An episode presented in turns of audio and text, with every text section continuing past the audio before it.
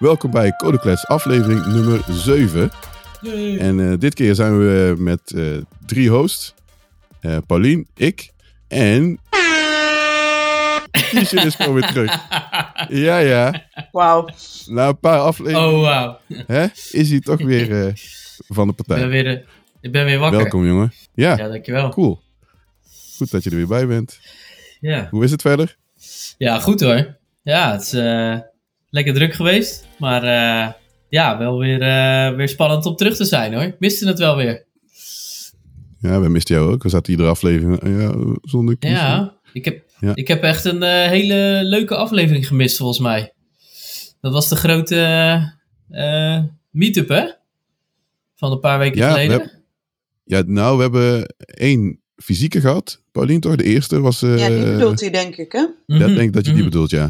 Ja dat was zeg maar de ken ja, kennismaking, foto's en heel de zooi. Dat we nog heel grappig zaten van, oh, corona, oh, ja, je komt uit Brabant, hè, Bossenbol. Ja, dat, ja. Twee dagen later ging alles dicht. Zo. Ja, ik wist het. dat was ik niet. Ik maak nooit meer grappen over corona, ja. Ik weet dat ik echt... Ik voelde me schuldig, hè. Weet je, er was toen... Die collega van mij, die had toen die foto's gemaakt. En toen zei ik nou van, oh ja, ik, ik schud je handen maar niet of zo. Weet ik veel, iets heel een beetje awkward. Want toen mocht je eigenlijk niet vanuit Brabant, mocht je naar andere provincies toe reizen. Dat hadden we wel gedaan. En toen twee weken later, drie weken later lag ik in het ziekenhuis. Ik denk, oh shit. Ik heb nu gewoon iedereen aangestoken. Door mij is Zuid-Holland gewoon helemaal coronafied.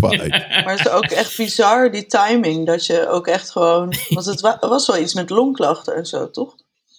Ja. Dus, Klopt. Ja, de longontsteking. De longontsteking heb ik in principe, denk ik, nog steeds. Want dat duurt altijd wel even voordat die helemaal weg is.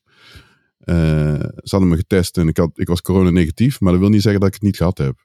Ja, Het geeft me ook wel een beetje vertrouwen in die test, uh, eerlijk gezegd. Maar ja, goed, uh, ik heb het overleefd. Uh, geen, geen gekke dingen meer. Had je ook griep en zo, of niet? Uh, ja, het is heel raar. Want het is in, kijk, het beeld van die twee weken is dat het een beetje in golven gaat. Ja. En ehm, ik had, even kijken. De eerste ik was even ziek. En toen ben ik, heb ik me ziek gemeld. Ik had wat, nou niet koorts, maar het was, zat tegen de 38 graden aan. Of net iets eroverheen. Dus lage koorts. Maar dat ging weer goed. Ik denk, nou oké, okay, gaat weer oké. Okay. En toen de, in de tweede week kreeg ik in één keer, waar we buiten gaan wandelen, kwamen we terug thuis. 40 graden koorts of zo. Shit. En ik echt, ik freakte out, joh. Je wilde echt niet weten. Want iedereen dacht, ja, oh ja, de, de, meeste mensen zullen denken, oh ja, dat zal corona, die, die freakt out vanwege corona. Maar bij mij is het vooral die nier, zeg maar. Als mijn nier gaat afstoten, dan krijg ik ook uh, koude rillingen. Dus die kreeg ik dus. En, uh, en koorts. Dus daar was ik veel meer bang voor. Dus ik denk, maar is dat, een, is dat een donornier of zo? Ja. Ah, oké. Okay. Een plug-in nier. Gemist. Ja, oh echt. Nou, ik ben uh, ja. Saber Karmoes. Ik heb een tijdje geleden. Nee, in 2011 hebben ze, heb ik een uh, transplantatie nier. Oh, maar dat is toch wel heel lang geleden? Dat is toch meestal binnen anderhalf jaar of zo dat dat, uh, als dat wordt afgestoten? Nou, het kan altijd afstoten. Echt? Oh. ja, binnen het eerste jaar is de grootste. Nou goed, de eerste drie maanden is de grootste kans dat hij afstoot. En dan steeds hoe langer het duurt, zeg maar, hoe minder kans dat hij afstoot. En in ieder geval acuut afstoten gaat dan niet zo snel gebeuren. Hij gaat sowieso wel afstoten, maar je langzaam, ja, wordt hij slechter en slechter. Maar tot nu toe gaat het gewoon supergoed. Dus die nier werkt gewoon als een malle. Het maar uiteindelijk is, gebeurt het sowieso, zeg je? Dus dan moet je weer een nieuwe... Nou ja, kijk, ieder, van iedereen, de nieren, zeg maar, die, je hebt een soort van overcapaciteit. Je hebt twee nieren. Mooi uh, failover uh, systeempje. Uh, dus die zorgen, daar, omdat we overcapaciteit hebben, heb je, je wordt geboren in principe met 100% capaciteit. En gaandeweg gaat die capaciteit omlaag. En pas bij 30%, 25% ongeveer ga je echt wel wat klachten uh, uh, merken. En dat merk, ook mensen op oude leeftijd, van weet ik veel, 80, 90 jaar, die kunnen best wel op die manier uh, nierinsufficiëntie, zeg maar. Dus dan is de, je nier werkt niet goed genoeg meer. Ja, ze hebben, dat is normaal. Ze hebben Kubernetes bij je ge geïnstalleerd. ja, ja, dat klopt. Ik heb nu wel drie nieren. dus dat is wel, uh, wel grappig. Twee uh, kapot en eentje die goed... Uh, Kubernetes. Kubernetes. Ja. Oké, die, moet ik, eh, die had ik dus echt niet verzonnen. Daar baal ik nou wel loop je nou gewoon jaren mee rond en dan pakt ze mij een grap gewoon af. Sorry. ik, ik had hem ook helemaal niet gemaakt aan mezelf. Want ik, ik eh, spreek het zo helemaal niet uit. Het is dat Kishen Kubernetes zegt. Ja, Kubernetes. Oeh, oeh. Ik ga, oh, gaan we niet weer, ik wil niet Jira, Jira. Ik, Oh, nee, ja. nou, dat weer. Jit. Jit. Jit, ja. Een GIF, GIF, weet ik. Gif, ja. Nee, ik ga dat niet doen. Ik ga daar niet heen. Maar goed, dat, is- dat is zeg maar mijn eh nier eh, freak-out. En uiteindelijk is het dus goed gekomen. Ik ben ontslagen. Eh, of ik het nu heb gehad of niet, weten we niet. Want de verschijnselen lijken heel erg op dat alsof ik wel, zeg maar, eh, eh, COVID-19 heb gehad. Maar ja, dan is het nog maar onduidelijk hoeveel immuniteit ik opgebouwd heb. Dus dat, is allemaal spannend. Het, wa- het waren spannende tijden en blijven voor mij sowieso spannende tijden. Omdat ik ja, echt extra voorzichtig moet zijn.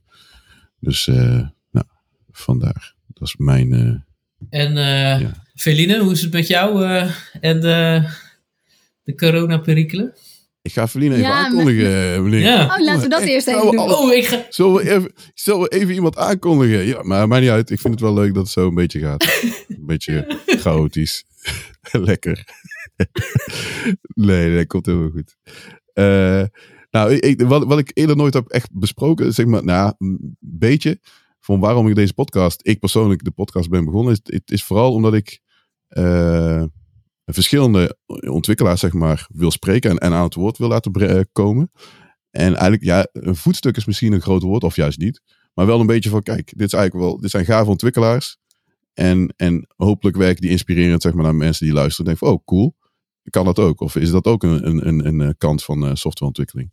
Eh, en dus alle echt heel verschillende mensen zeg maar, aan tafel zien te krijgen. Zodat je allerlei verschillende beelden. Dus dat je niet alleen maar tien afleveringen lang eh .NET ontwikkelaars of Java ontwikkelaars. En die allemaal eh backend doen of zo. Weet je wel, dat er één onderwerp heel aangekaart wordt. Dat, dat wil ik niet. Maar meer eh, game developers en dan weer backend developers, frontend web developers, whatever. Dus dat, dat, dat vond ik echt wel gaaf. Eh, en in, in, de, in mijn carrière zijn er eh gaandeweg kom best wel wat mensen tegen die ik, eh, ja, die ik echt wel cool vind. Waar ik echt wel ook wel tegenop kijk. Eh, en de, de gast die we vandaag hebben, dat is er ook een van. Ja, ik ben gewoon, eigenlijk gewoon stiekem een beetje fan. Omdat ik iedere keer als ik haar tegenkom, denk van oké, nou die doet weer iets gaafs. En dan is er weer een stap vooruit. De eerste keer dat ik haar tegenkwam, dacht ik van oké, jij doet iets met Excel. Dat is gek. En toen werd het uitgelegd wat ze met Excel deed. En denk ik, oké, oké, dit is wel heel stoer. En is iedere keer als ik iets hoor, zeg maar, denk ik, oké, dat is ook weer stoer. Dus dat viel me heel erg op. Nou, zonder eh, heel al te lang, eh, eh, een al te lang intro te maken. Onze gast voor vandaag is Feline Hermans. Feline Hermans is momenteel hoofddocent, hoofddocent aan de Universiteit in Leiden. Ze is lid van de TC39 ECMAScript JavaScript Task Group. Verder is ze een van de hosts van de Software Engineering Radio podcast. Eh, dat is eigenlijk gewoon onze concurrent. Nee, nee, nee. Ze is Engelstalig. waarschijnlijk. Ze doet het al veel langer. Veel meer ervaring. Eh, qua conferentie is, is ze organisator van de Joy of Coding conferentie. Oprichter ook daarvan trouwens.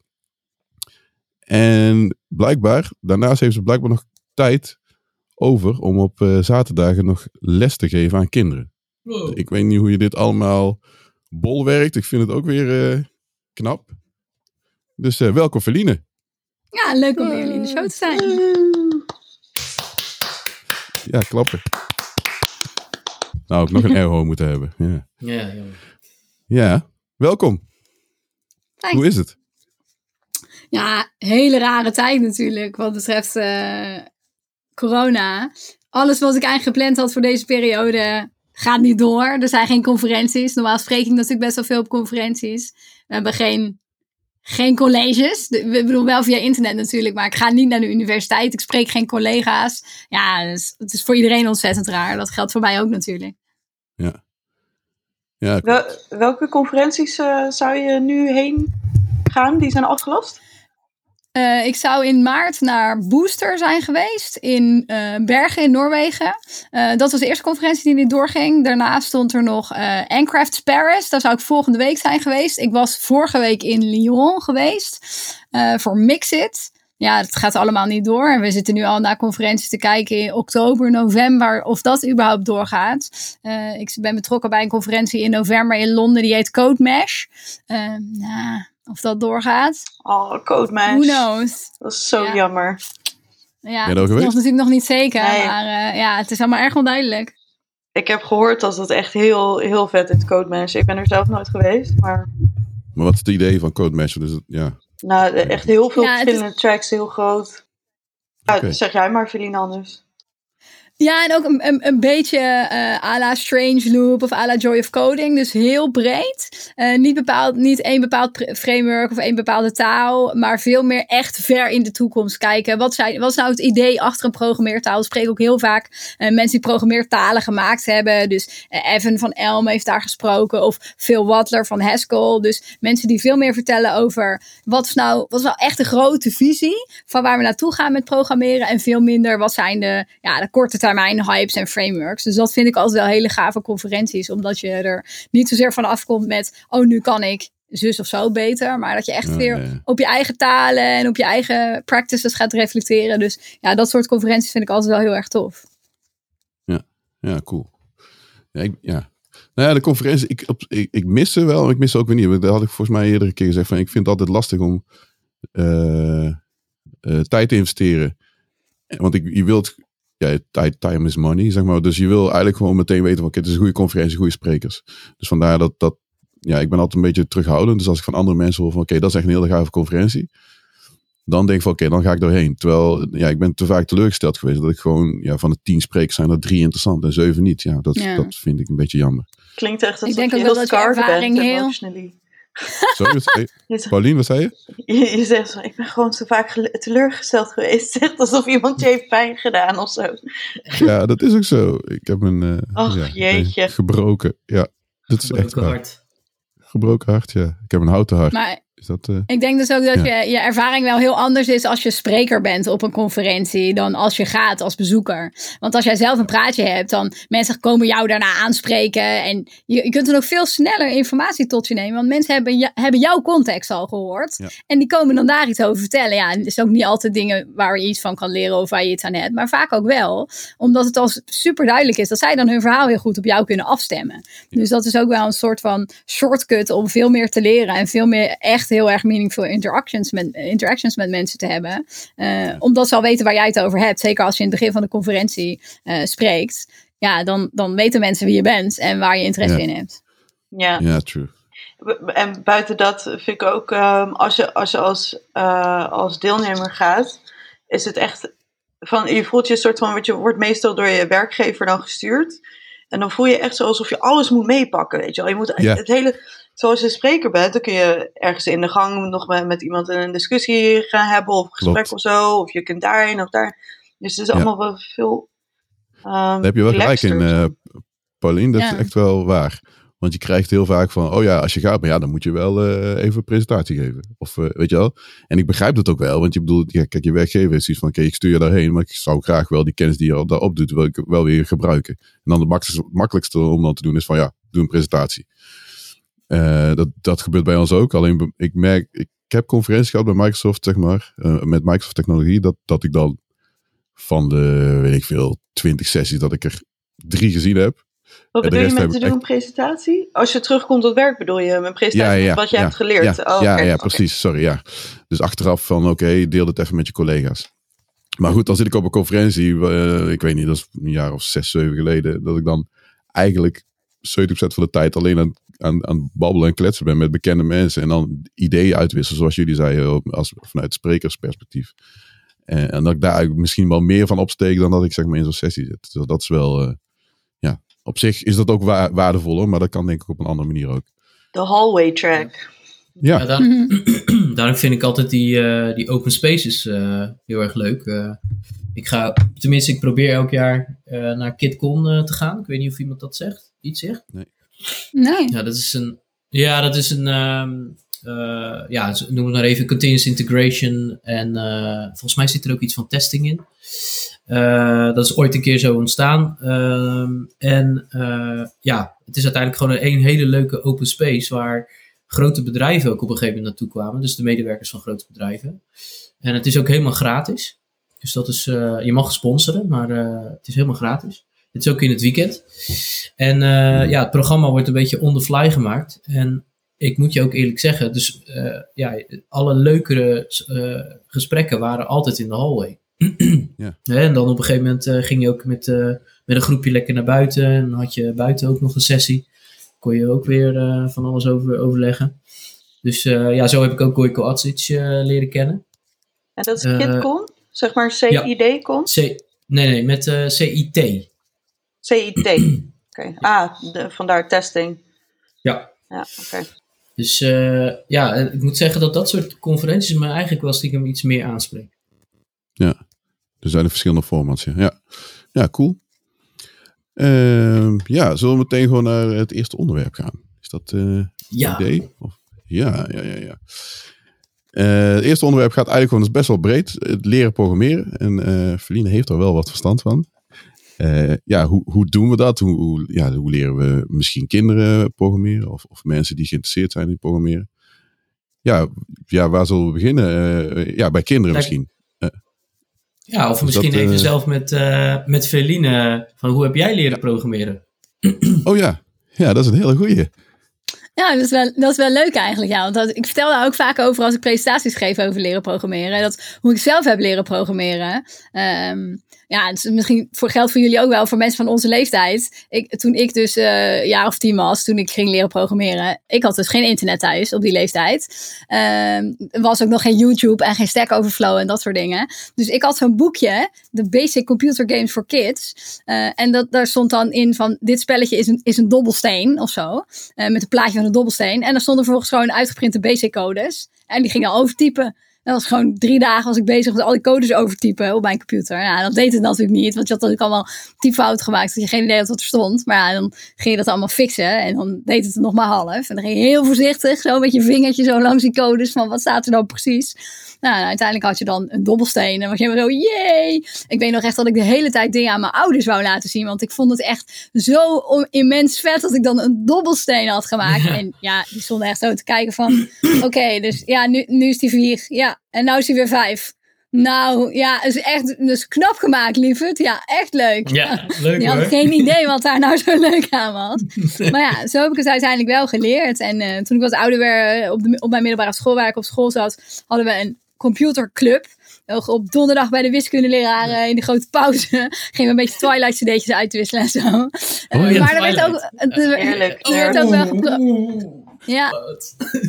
er werd ook wel geprogrammeerd en zo.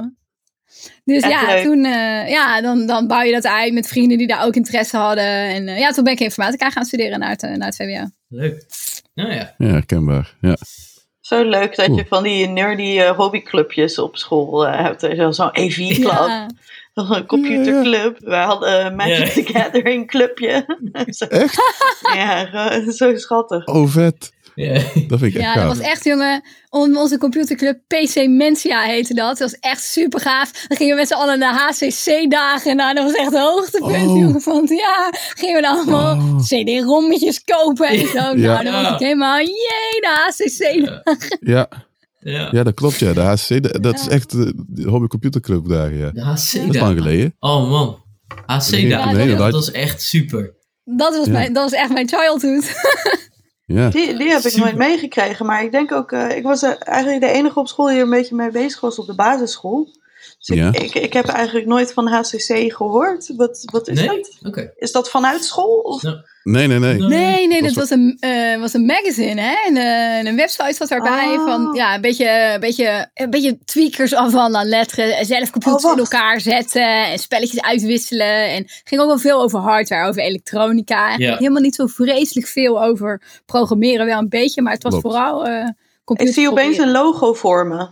Vanuit, eh, van, vanuit de winkel. Zie ik in één keer een logo vormen nu, nu toen je, toen je tijdschrift Oh, zo. zei.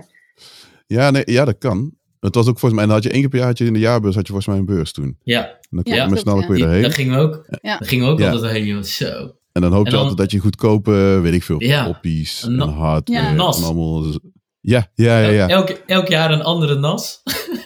klopt. Dus dat was echt wel eh, een ding. Keek ik echt Printers. wel naar uit. Niet normaal. Alleen de laatste jaren, toen, vooral toen online shops een beetje populair werden, ja, ja, dat, Ja. dat is gewoon een stille dood gestorven. Want ja, mensen gingen er echt Ja. niet meer heen.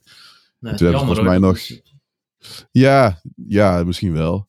Maar goed, Ja, ik die- vond dat het wel die- gezellig, zo met, eh, hè, met, eh, met vrienden, kennissen, familie. eh, Ja, ja, ja. daar ja.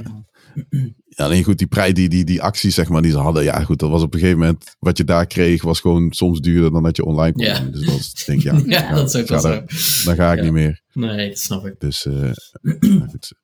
En, Nee, dat en, was wel, wel cool. en- en Pauline, jou, jouw eerste ervaring met programmeren? Ah, moet ik even denken hoor. Ik denk dat dat was eh, toen wij internet thuis kregen. Toen was ik elf of zo. Tien of elf, denk ik. Hmm. Ja, ja. En eh, ja, het, het was gewoon zoals met vele met eh, van die ehm landingpage website dingetjes waar je HTML tags en dat soort dingen kon veranderen. Oh ja. Eh, en van daaruit ging het eigenlijk. Dus niet, eh, ja, dus ook best wel laat. Maar ik ben, ik ben denk ik ook jonger dan, ik weet niet hoe oud hij is, maar Ik ben ja, 36. ik wil ook eens- ja, kijk Had, hier. had, had nou 26 gezegd. Ik denk, ah, crap. En dan kan je, zo, je kan zo opzoeken op Wikipedia hoe oud ik Ja, ben. dat Dus weet het ik. heeft geen zin om Nee, daarover te liegen. Ik, ja. vond, ik had het grappig gevonden dat hij zei, ik ben 18. En dan zo track record achter je rug. Zo ja, flex trouwens, om te zeggen van, hey, ik kan gewoon Wikipedia kijken. oh, ja. Ja. Ja, dat- eh, Dat is wel echt een, eh, ja, ja. Dat- ik vind ook dat we een codeklets eh Wikipedia moeten maken hoor. Hey, eh. ja, dat, misschien ooit wel als wij echt bekend worden en mensen gaan ons echt stoer vinden. Wow, er gaat iemand vloggen. Wat? Ja, nee, ik moet even, want mijn, eh, mijn kat heeft blijkbaar geen water. En dan gaat hij uit de gootsteen Oh. proberen te drinken. Dus dat ik. Oh. Vind ik wel stoer. Ja, ik vind dat zelf irritant. Mijn vrouw en mijn, ja, mijn, ja, mijn schoonmoeder, die vonden die liet die kat ook uit de, uit de kraan drinken. Ik denk, haal, doe normaal, dat wil ik niet. Maar goed, hou je Nee. tegen. ja. En jij? Eh, ik- eh, ik ben ook, ja. eh, ik ben denk ik de oudste van jullie. Ik ben 44, word bijna 45 in juli. En, en wanneer ik ben je voor het eerst aan... Ja. Toen ik 11 was. Eh, mijn theorie is ook, als je dat je, dat, dat is ook volgens mij iemand heeft daar een onderzoek naar gedaan, dat de meeste mensen, als je ra raden, op een latere leeftijd gepassioneerd raakt van iets, dat het heel vaak is doordat je iets rond je tiende, elfde, twaalfde, iets wat je op dat moment mee in aanraking bent, mee bent gekomen. En ik ben vanaf mijn elfde gaan programmeren op, eh, even kijken, eerst een Commodore 64, nee, sorry, ja, Commodore 64 en een Commodore VIC-20. En niet thuis, maar dat was gewoon bij Bart Smit. Dat is echt letterlijk mijn eerste keer dat ik een computer aanraakte. Ja, Bij Bart Smit. ja, ja dat, je altijd van die idee van ja, gewoon twee computers staan met schermen. Oh. Oké, eh, Ja, ja. en dan ja, hingen er allerlei kinderen hingen er omheen om eh, te programmeren, nog niet, nog niet eens te sp- spelletjes te spelen. En dan typten we soms. dat, was je computer, dat was je computerclub. Ja, nou ja, dat was wel een, een kleine groep, zeg maar, die dan enthousiastelingen die allemaal daarheen kwamen. Maar ik had thuis nog geen computer op dat moment. Dus dan gingen we iedere keer daarheen. En sommige vriendjes, die hadden dan... Een van mijn vrienden, beste vrienden, had een eh, ZX Spectrum, die, die vader. Is echt zo'n kleine computer met van die chiclet eh, toetsen. Drama ding vind, eh, vond ik toen, vind ik nog steeds. Maar goed, dat is eh, nostal- nostalgie. Mhm. En toen ben ik, ja, de Commodore 4 dat was basic. Dus je kon een beetje 10 print, ik ben Saber, 20 go to 10. En toen was je het mannetje, zeg maar. Dus de eerste keer was echt van, wow, dit, ik wil alles doen, zeg maar. Ja. Dus die, die, of ja, die, ja, de macht, of ja, niet macht klinkt een beetje ziekelijk, maar de, de- dat je iets zo makkelijk kunt controleren. Dus ja, dat vond ik echt wel heel gaaf. Eh, Creepy. en later ben ik, ja, nou ja, ja ik, ben, ik ben ook creepy, dat weet je. Ja, precies. alles, dat blijf je zeggen. Dus volgens mij ben ik gewoon een creep, eh, denk ik. Nee, maar even serieus. Die, daarna ben ik op... M- Nee, mijn vader heeft toen een P2000, een Philips P2000 voor mij geregeld. Eh, dat was ook gaaf. En later had ik een MSX2. Dus ik was echt een, eigenlijk heel mijn jeugd gewoon met computers eigenlijk wel het mannetje, zeg maar. Hm. Want ik had flopjes terwijl iedereen nog op, op tapes eh, spelletjes Ja, inlaat. ja, ja. Waar, waar komen jullie nou, man? Hier 3,5 inch. High-tech shit. Double- Ja, precies. Dus dat was wel, eh, Ja. ja, was wel cool. En ja, dat heeft me altijd gewoon is, is bijgebleven. Het is eigenlijk gewoon hobby, vak en altijd, ja. Ik, dat- ik ga er niet snel mee stoppen, nee. Ja. Dus we hebben het allemaal een beetje zo eh, op dezelfde manier een beetje aanraking gekomen, of niet? Het is niet, ja. Ja, ik, ik, een beetje ben dezelfde leeftijd allemaal, geloof ik. Nee, ik ben... Ja. eh, Ja, dat, is- dat, Ik- dat is ook wel tekenend voor onze industrie. Dat Stack Overflow doet altijd zo'n eh, zo'n survey ieder jaar. En er was ook eh, iets van 30% of zo van de mensen die dan eh, pas na hun 19e programmeren had geleerd. En 70% zoiets van de mensen die dus professioneel programmeur zijn. Die al voor hun 18e iets met programmeren hadden gedaan. Dus dat is echt een Ja. super groot gedeelte. Van, en Ja. Ik weet niet of dat goed is hoor. Ik weet, het is natuurlijk wel iets heel typisch dat we dat bij programmeren soort van verwachten. Je verwacht ook niet bij andere beroepen, toch? Je verwacht ook niet dat tieners al lekker het wetboek Nee. gaan lopen uitlezen. Of hun Ja, hamster gaan lopen opereren als ze twaalf zijn. Ja. Ja, precies. Ja, ja. Ik, ik, denk, ik denk dat het echt gewoon een beetje komt omdat je toch een soort van eh, vaak mensen hebt die, die hun hersenen op een bepaalde manier gewired hebben dat ze problemen oplossen en zo leuk vinden. En dat ze daarom er als kind al zo obsessed mee raken. Maar wat, wat ik wel merk, volgens mij heb ik dat al een keer gezegd, maar wat ik, wat ik merk vooral bij vrouwen, ehm, de meeste programmeervrouwen die ik ken, sorry, als je gekrap hoort, dat is mijn kat, die krapt. mijn kat is heel erg invasive aan het Frustra- lopen. Ja. Ehm, Frustraties. Ehm, maar heel veel vrouwen van mijn leeftijd, die, eh, die nu zeg maar professioneel bezig zijn, die zijn pas later begonnen, omdat ze gewoon ook als kind niet echt het, de optie zagen of zo, weet je wel. Zoals ik zelf, ik ben ook als kind begonnen, vervolgens een andere studie gaan doen, om twee, drie jaar later te zeggen van, hé, hey, eh, waar slaat het eigenlijk op? Want ik heb dit altijd leuk gevonden, maar het, gewoon niet, het komt gewoon niet bij je op of zo. Ja, en daarom is het ook wel gevaarlijk wat jij net zei, een beetje van eh, als je hersenen op een bepaalde manier werken, dan, dan vind je het leuk. Want er is heel veel onderzoek dat laat zien dat hoe meer mensen geloven dat je een bepaalde aanleg moet hebben, zoals een wiskundeknobbel, eh, hoe minder vrouwen zullen pas participeren in een veld. En dat komt dus waarschijnlijk omdat ze dan denken, oh ja, ik heb, ik heb die knobbel niet, die zit er bij mij niet op. Want ja, dat pik je toch een beetje op van misschien van je familie of uit de media. Dus het is ook niet de moeite waard voor mij om het te oefenen. Want ja, ik leer het toch nooit, want ik heb die goede hersenpan. Heb ik niet. Terwijl hoe meer we eigenlijk benadrukken, dus ik probeer dat ook altijd een beetje te doen. Dat, ja, weet je, ik zeg altijd programmeren is een beetje als een taal leren. Iedereen kan een taal. De meeste Ja. mensen kunnen wel twee of drie talen. Dus Ja. als je Nederlands en Engels kan, ah, dan kan je ook wel een taal. Eh, want het is gewoon veel oefenen. En dan kan eigenlijk iedereen het wel op een bepaald niveau leren. Dus zoiets als, oh, je moet er vroeg mee beginnen. En hoe je moet op een bepaalde manier denken. Dat zijn wel statements die er ook, denk ik, toe bijdragen. Dat minder vrouwen het proberen. Omdat ze denken, ja, het, het lukt mij toch niet. Plus natuurlijk, ik weet niet hoe vaak jij dat hebt gehoord, Pauline, toen jij die leeftijd al. Maar toen, ik heb dat echt super vaak gehoord. Dat mensen natuurlijk zeggen, als je een vrouwelijke tiener bent, van, eh, ja, is dat wel iets voor jou? Vind je dat wel leuk op de computerclub met al die jongens? Eh, ga je straks Ja. naar TU Eindhoven, dan zit je daar tussen de jongens. Ik dacht, ja, yeah, right, lijkt me echt superleuk. Wat is het probleem? Ja. Ik hou van computers en er zijn alleen maar jongens. Hoezo, hoezo is het niet goed? Maar Ja, Ja, je wordt me- Ja, zoveel manieren. Je wordt eigenlijk al automatisch, manieren. Ja, we maken eigenlijk al automatisch een ja, per ongeluk. ja, ja ehm, maar wat, wat ook wat, wat ik bedoel met het, eh, eh, met het van je, je ziet het toch meestal met mensen die op een bepaalde manier denken, is ook meer van ehm, eh, mensen gaan er altijd vanuit dat het een soort van magisch is en dat je echt super slim ervoor moet zijn en bla bla bla. Terwijl eigenlijk is het het enige is gewoon van wat je zegt. Ik heb ook echt het idee dat iedereen het wel kan als je maar genoeg tijd insteekt. Alleen de meeste, eh, of heel veel mensen raken erin gefrustreerd en houden dan op. En die, die, die mensen die als kind beginnen, die doen dat al omdat ze, omdat ze er dan al obsessed mee zijn, weet je wel. Dus dan ga je er al een paar jaar in zitten. Dus ik denk dat het, dat, ja, Ja. dat bedoel ik er meer mee, zeg maar. Mhm. Ja, misschien is dat dan wel weer een mooi bruggetje terug naar leren programmeren. hè? Eh, Ja. Ja. Want als je dus die ervaring hebt, zoals wij die ook hebben, en zoals heel veel mensen die hebben van onze leeftijd, dat je het jezelf moet leren, dan, dan komt het ook ehm, onvermijdelijk met superveel frustratie. Hè, want die codes liepen allemaal vast en ik snapte dit eigenlijk niet, maar ik zette toch door. Eh, je krijgt dan dus mensen die inderdaad he- heel erg eh, resilient zijn tegen frustratie, die, die houden het vol. Eh, maar ik weet niet zeker of dat per se de beste programmeurs zijn. Het is natuurlijk wel een goede eigenschap, maar er zijn meer goede eigenschappen. Ehm, en als je dus meer gaat naar eh, meer oefenen en meer begeleid leren, eh, dan heb je misschien wel veel minder frustratie en dan blijven er misschien wel veel meer mensen bij. Want wat ik dus ging doen toen ik op die zaterdagclub ging beginnen met kinderen leren programmeren, dat was een jaar of acht geleden of zo inmiddels, ging het dus eigenlijk precies hetzelfde doen. En ik zie dat heel veel mensen die hun kinderen leren programmeren of zo'n clubje runnen, die doen dat ook. Die kopen dus ook van die boekjes, die zijn dan nou in Scratch in, in plaats van in, uh, in Basic of in Python. Nou, wat deed ik dan? Ik deelde die boekjes uit. Nou, dus zei ik, nou, hier is een programma, dat kan je dan namaken. Nou, doe maar. En als jullie een vraag hebben, ik, ik zit hier achter, drink ik koffie.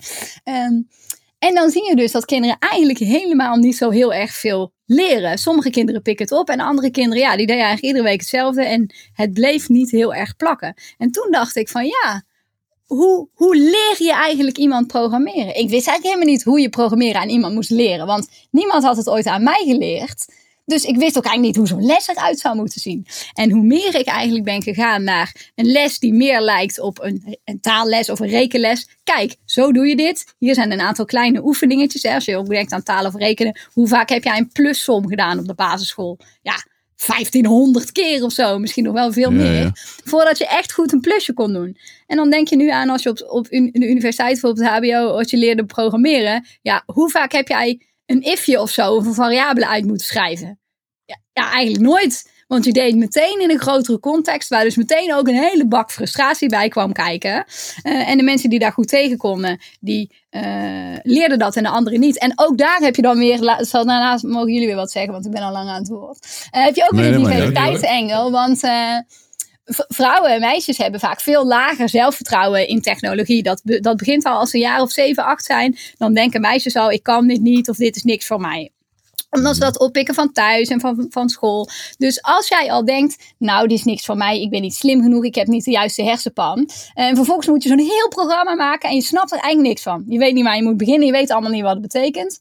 Dan zul jij echt wel minder gemotiveerd zijn om door te zetten. Want jouw verwarring versterkt eigenlijk jouw zelfbeeld. Ik kan dit niet, dit is niet voor mij. Mijn vader had ook gelijk, dit is alleen maar voor mijn broertje en niet voor mij bedoeld. Terwijl als jij denkt, hé, hey, ik ben een soort, eh, het soort jongetje, het heeft misschien ook nog wel met, uh, met huidskleur te maken. Als jij lijkt op het kindje dat dat kan, op alle computernerds die we op tv zien, wat die witte jongetjes zijn, dan denk je, oh nou, ik ben misschien wel flink de kluts kwijt, maar ik ben het soort persoon die dit zou moeten kunnen. Dus ik zet net een beetje meer door.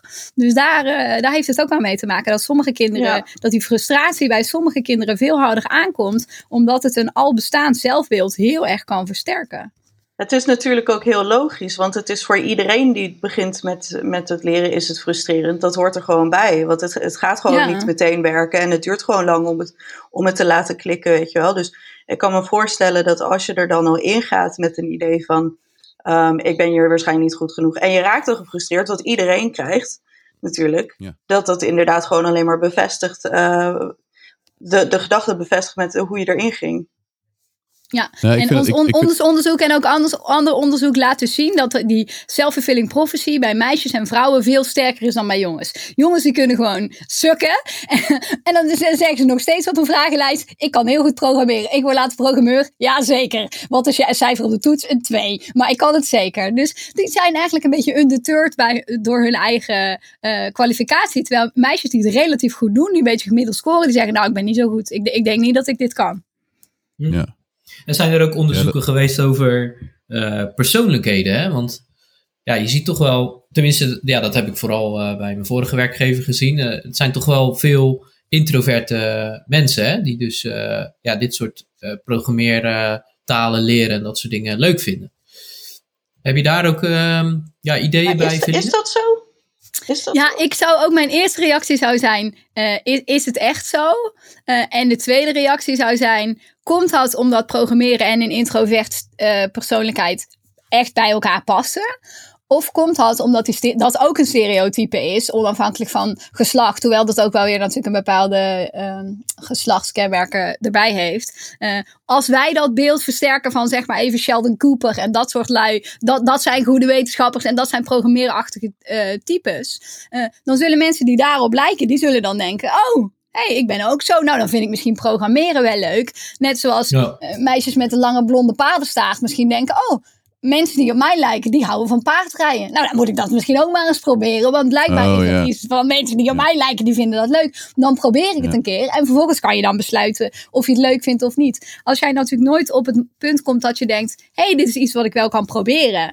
eh, Dan weet je ook niet of je het leuk vindt. Dus ik weet het nog niet. Ik zou denken, en dat is ook wel onderzoek wat in het algemeen eh, altijd aantoont, dat diverse teams het altijd heel goed doen. Zowel in software Ja. development als ook in andere plekken. eh, creativiteit, problem solving. Je hebt eigenlijk altijd verschillende soorten persoonlijkheidstypes en achtergronden bij elkaar nodig. En dan doe je het het best. Ik denk dat dat voor programmeren ook geldt. Ja, Dat denk Zeker. ik ook. En eh, nu doet dat me denken aan een hele leuke talk trouwens. Die ik er dan maar meteen in ga gooien.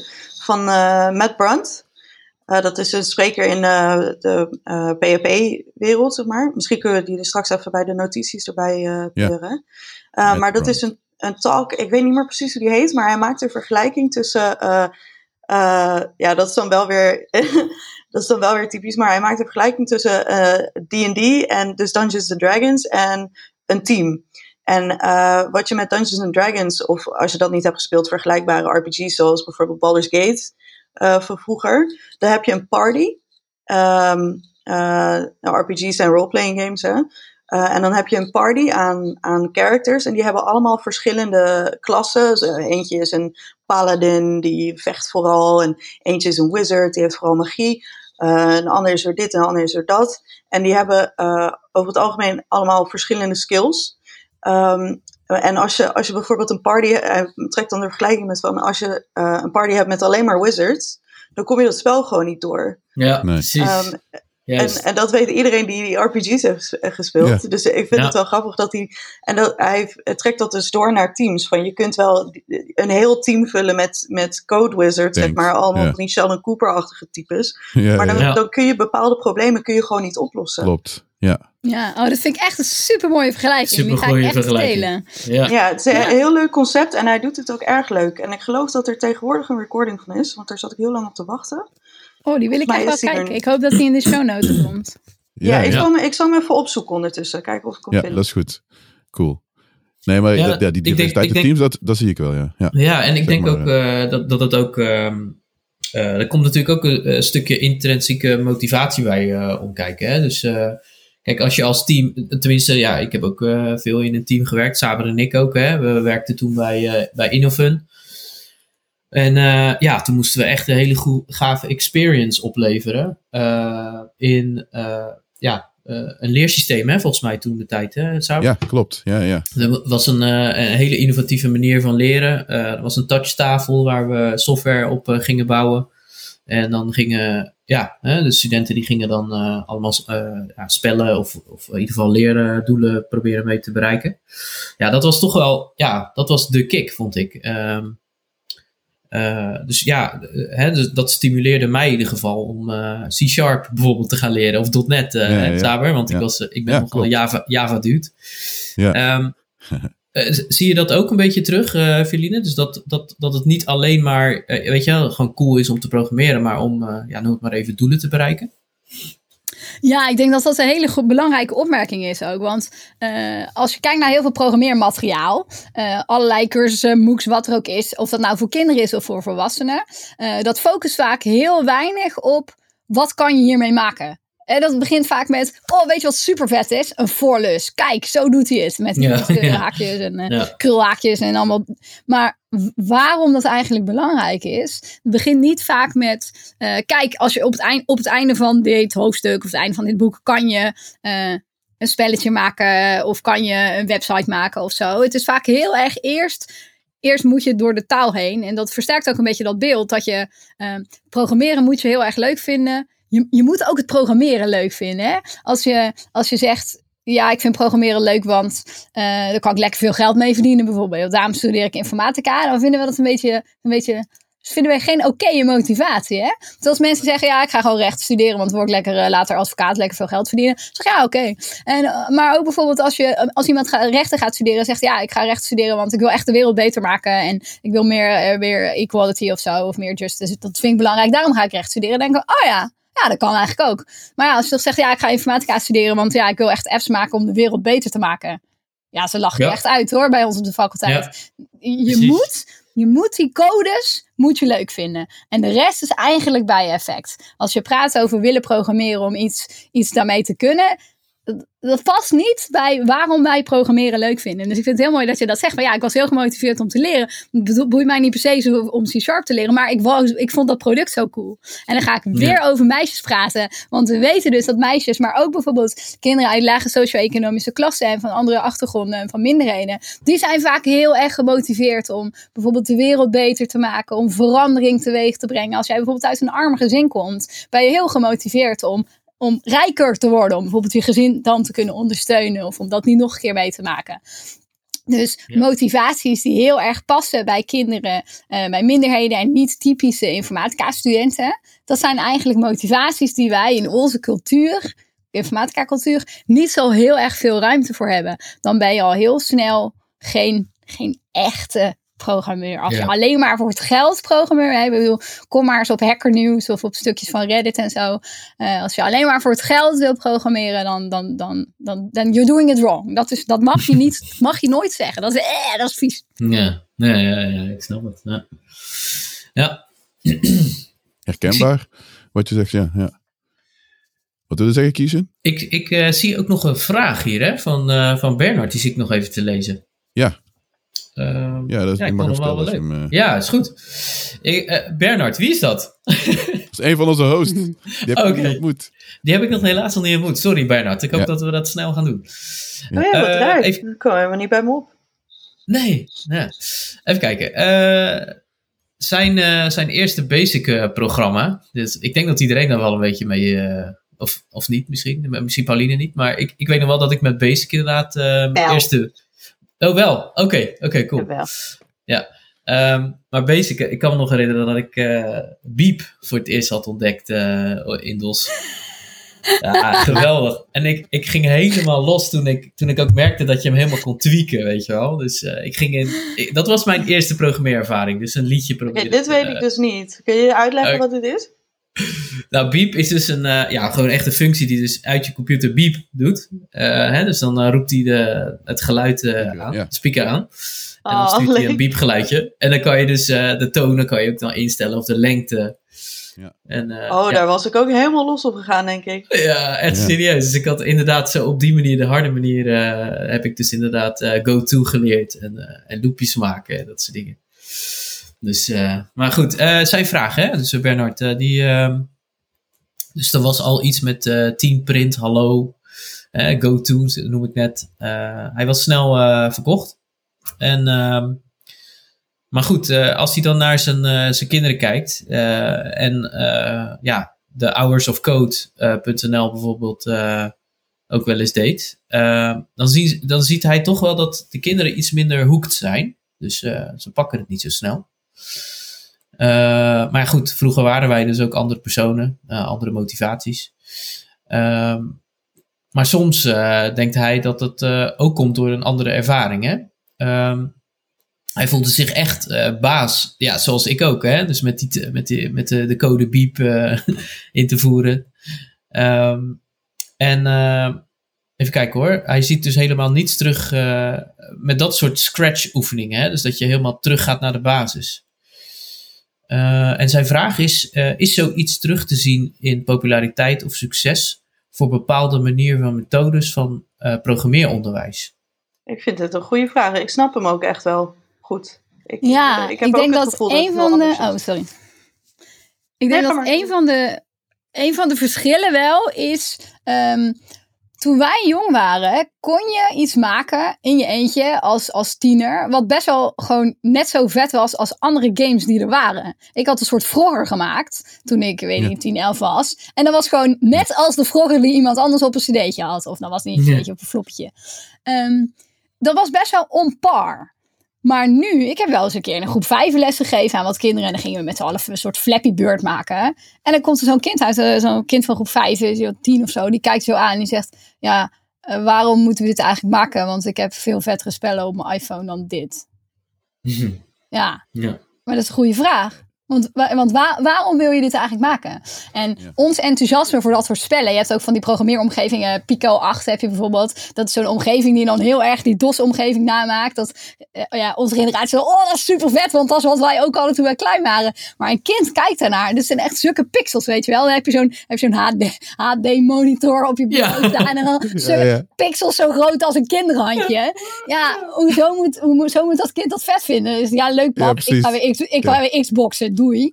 Dus Ja. Ik, denk dat dat, dat, ik denk dat dat één van de dingen is. En het tweede wat dus denk ik toch wel, maar goed, ik heb natuurlijk altijd mijn stokpaardjes. Dat ehm, eh, hoe, hoe kinderen leren, niet, niet alle kinderen hebben die motivatie. En niet alle kinderen vinden het leuk om door die frustratie heen te gaan. Eh, en als een kind heel gefrustreerd is en je antwoord is daarop, ja joh, hoort er gewoon bij. eh, dan is, is dat misschien niet de meest, ehm, niet voor ieder kind meteen de meest goede aanpak.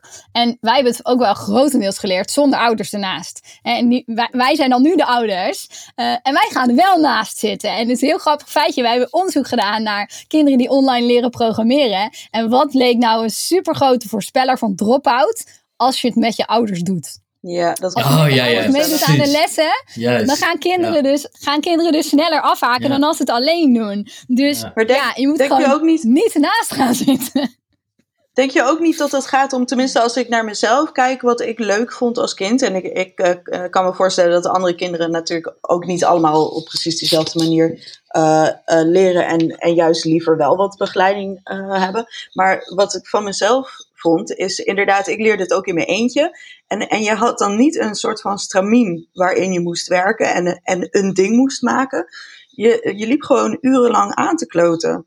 En dingen zelf uit te uit te proberen. En eh, oh, oh, misschien kan ik dit er ook wel mee maken. En dan ben je weer een paar uur verder. Terwijl als je zegt van hier, ga maar zitten, maak Flappy Bird. En als je vragen hebt, roep maar. Dan, dan hebben ze een kader. En volgens mij, tenminste, als ik naar mezelf kijk in ieder geval, had ik dat kader liever niet gehad. Vooral niet met zoiets wat, wat eigenlijk heel creatief is. En met, met zoveel mogelijkheden, weet je wel. Dat, dat is het mooie. ehm, dat is denk ik ook wat Bernard zegt van dat, dat je echt, nou, dat baas voelen, zo zou ik het dan niet noemen, maar, maar meer dat je echt die vrijheid hebt om, om gewoon echt helemaal zelf te beslissen wat je doet en wat je maakt en waar je naartoe gaat. En gewoon ontdekken. Want met zo'n stramien, Ja, maar ik denk wel dat dat een soort, ontdekken. Een soort self-fulfilling prophecy is van degenen die er nu nog zijn, die vinden dat fijn.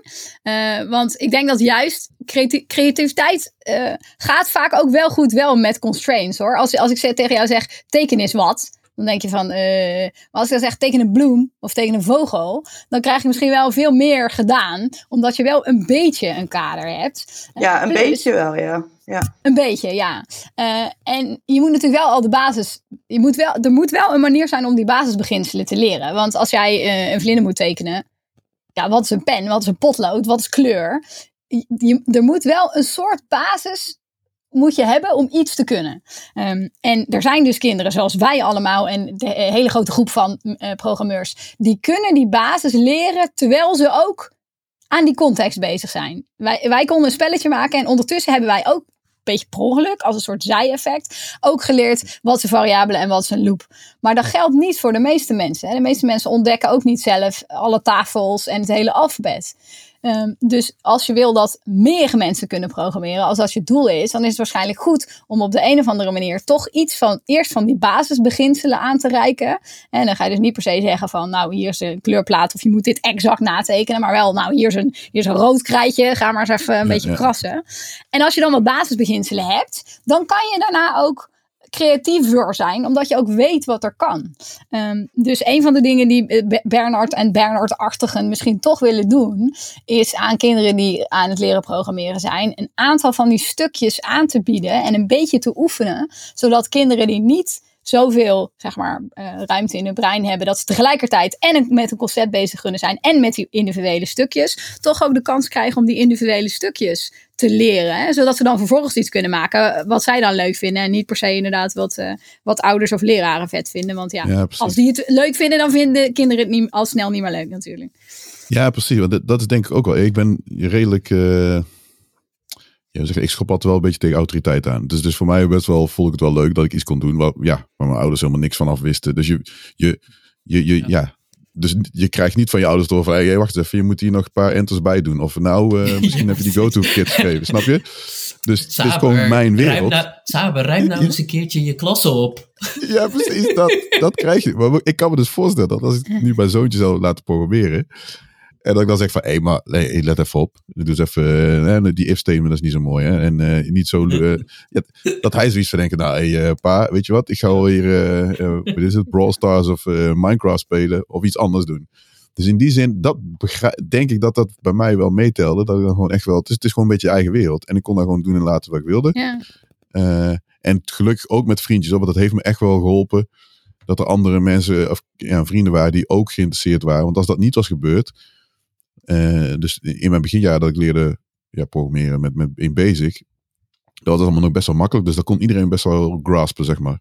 Maar op latere leeftijd, redelijk snel, toen een jaar of 13 ongeveer, ging ik al redelijk snel assembly programmeren, omdat ik allerlei uh, fancy scrollings wilde hebben. En dus de performance was echt belangrijk.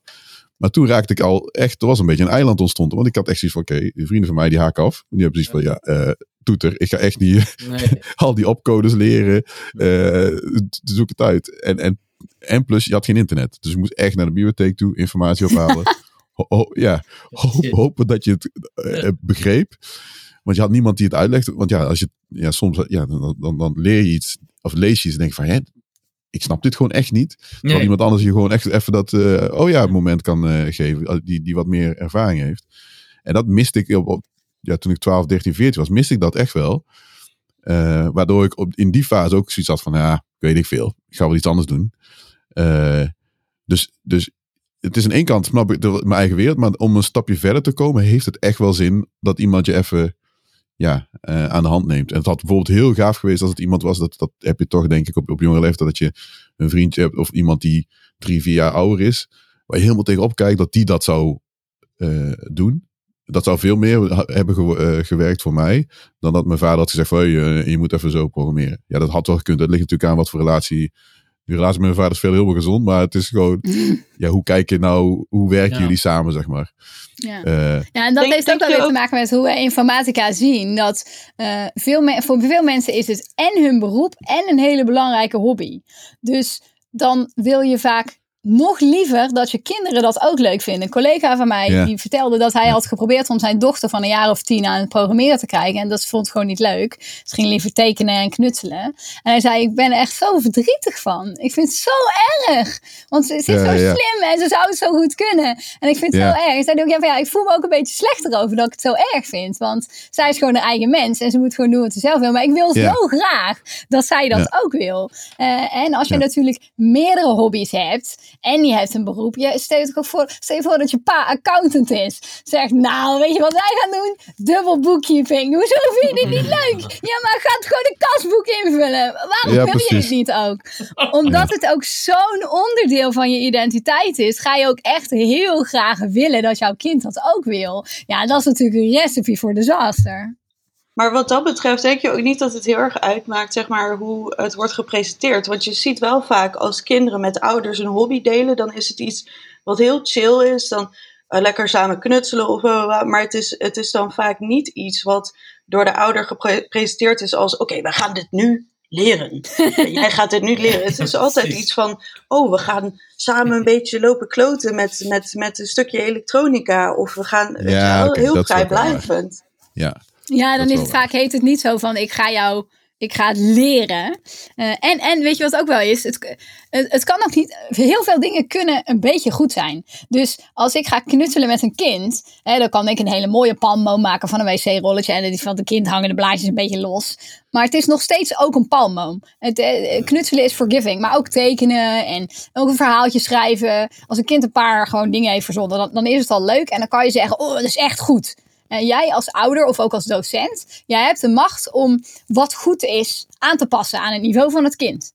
Terwijl bij programmeren, die compiler is gewoon relentless. Nee. Dan kan jij wel denken, ach, mijn kind, is, ja. mijn kind is tien, hij is dat dubbele puntje even vergeten. Ik weet wel dat hij de rest snapt. Die compiler gaat gewoon...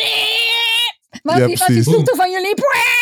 Gaat die, Ja, het is gewoon, ja. Er is alleen maar goed of fout.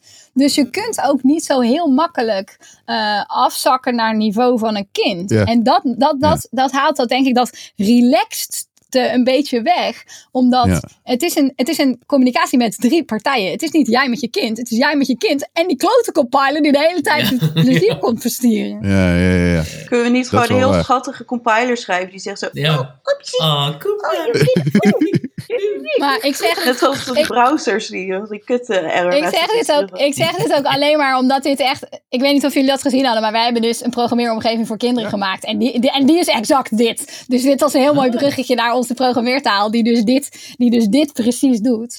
Eh, Die dus op een heel laag niveau begint. En hij zegt niet dan oepsie, maar wel bijvoorbeeld, hij zegt wel: wij konden je code niet goed lezen in plaats van jij hebt een fout gemaakt. Maar we hebben dus Ja, echt een soort van. Een soort, eh, het heet Hedy. Dat is Eh, wel nice. kunnen in de, in de show notes ook een linkje Ja. toevoegen. Het Ja, is open source, staat op GitHub en het draait in de browser. Dus je hoeft ook niks te installeren, doet het ook op je mobiel. En het is een soort Python die dus echt heel erg laag niveau begint. Dus bij het eerste niveau, wat wij levels noemen, kan je gewoon intikken gewoon print. En dan hallo wereld zonder aanhalingstekens. En dan doet hij dat gewoon. Omdat het dus inderdaad een, eh, een hele slimme parser is. eh, die dus die haakjes niet nodig heeft. En dan na, na bij het volgende level gaan ze zeggen. Oh nou, nu kun je ook een variabele introduceren. En dan kan je zeggen eh, naam is Feline. En dan print wat is jouw naam. Maar nog steeds zonder haakjes en zonder aanhalingstekens. Ehm, en dan krijg je dus een probleem. Want je kan dan dus niet meer printen. jouw naam is Feline. hè, Want naam is al een variabele. Dan krijg je jouw Feline is Oh, ja. Feline. Ja. En zo krijg je dus ook die noodzaak van syntax een beetje uitleggen. Zeggen, oh, maar kijk, wat, wat er nu niet kan, is het verschil maken tussen de variabele naam en het woordnaam. En we hebben eigenlijk iets nodig wat dat kan. Hey, dat zijn haakjes. Dus zo bouwen we eigenlijk die syntax een beetje op. Het is Oh, natuurlijk cool. nog niet Ja. helemaal perfect. Want het is niet, het is niet dat je die derde persoon, die, die compiler, uit die equation haalt. Maar het is wel dat wij denken dat het een beetje afzakt naar het niveau van een kind. Een beetje zoals je ook taal leert. Want je gaat ook niet bij taal, ga je ook niet zeggen... Hallo kinderen, welkom in groep, vijf- eh, in groep drie.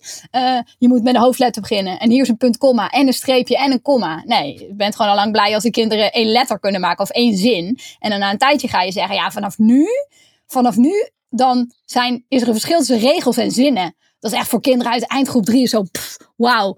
Ja. Regels en zinnen zijn niet meer hetzelfde. Je kan een punt gebruiken om, die uit, om, om zinnen Ja, uit te ja. splitsen.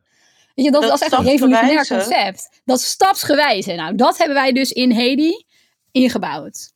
Voor syntax is dat heel goed, omdat je natuurlijk als je net begint, weet je, eh, na, na zo en zoveel jaar kun je, krijg je een error en kun je meteen aan de regel zien van, oh, er mist een punt, komma of weet ik veel wat. Maar aan het begin is die syntax, wat je, je hebt en punt, komma's en je hebt eh accolades en je hebt dit en dat. Eh, eh, of eh accolades, hoe heette die? eh, curly brackets. Dit? Ja. Of zo? Accolades. Ja, oké, accolades. ja. Ja, accolades. Ja. Ja, inderdaad. Ja. Eh, maar ja, als je dat allemaal tegelijk krijgt en je leert het net en, je- en er gaat iets fout, dan weet, is het dit of dit of dit of dit, dat kun je gewoon niet zien, weet je wel. Nee, dus klopt. ik Ja, denk dat dat precies. stapsgewijze heel handig is. Dat noemen Maar ze de eh, syntax barrier.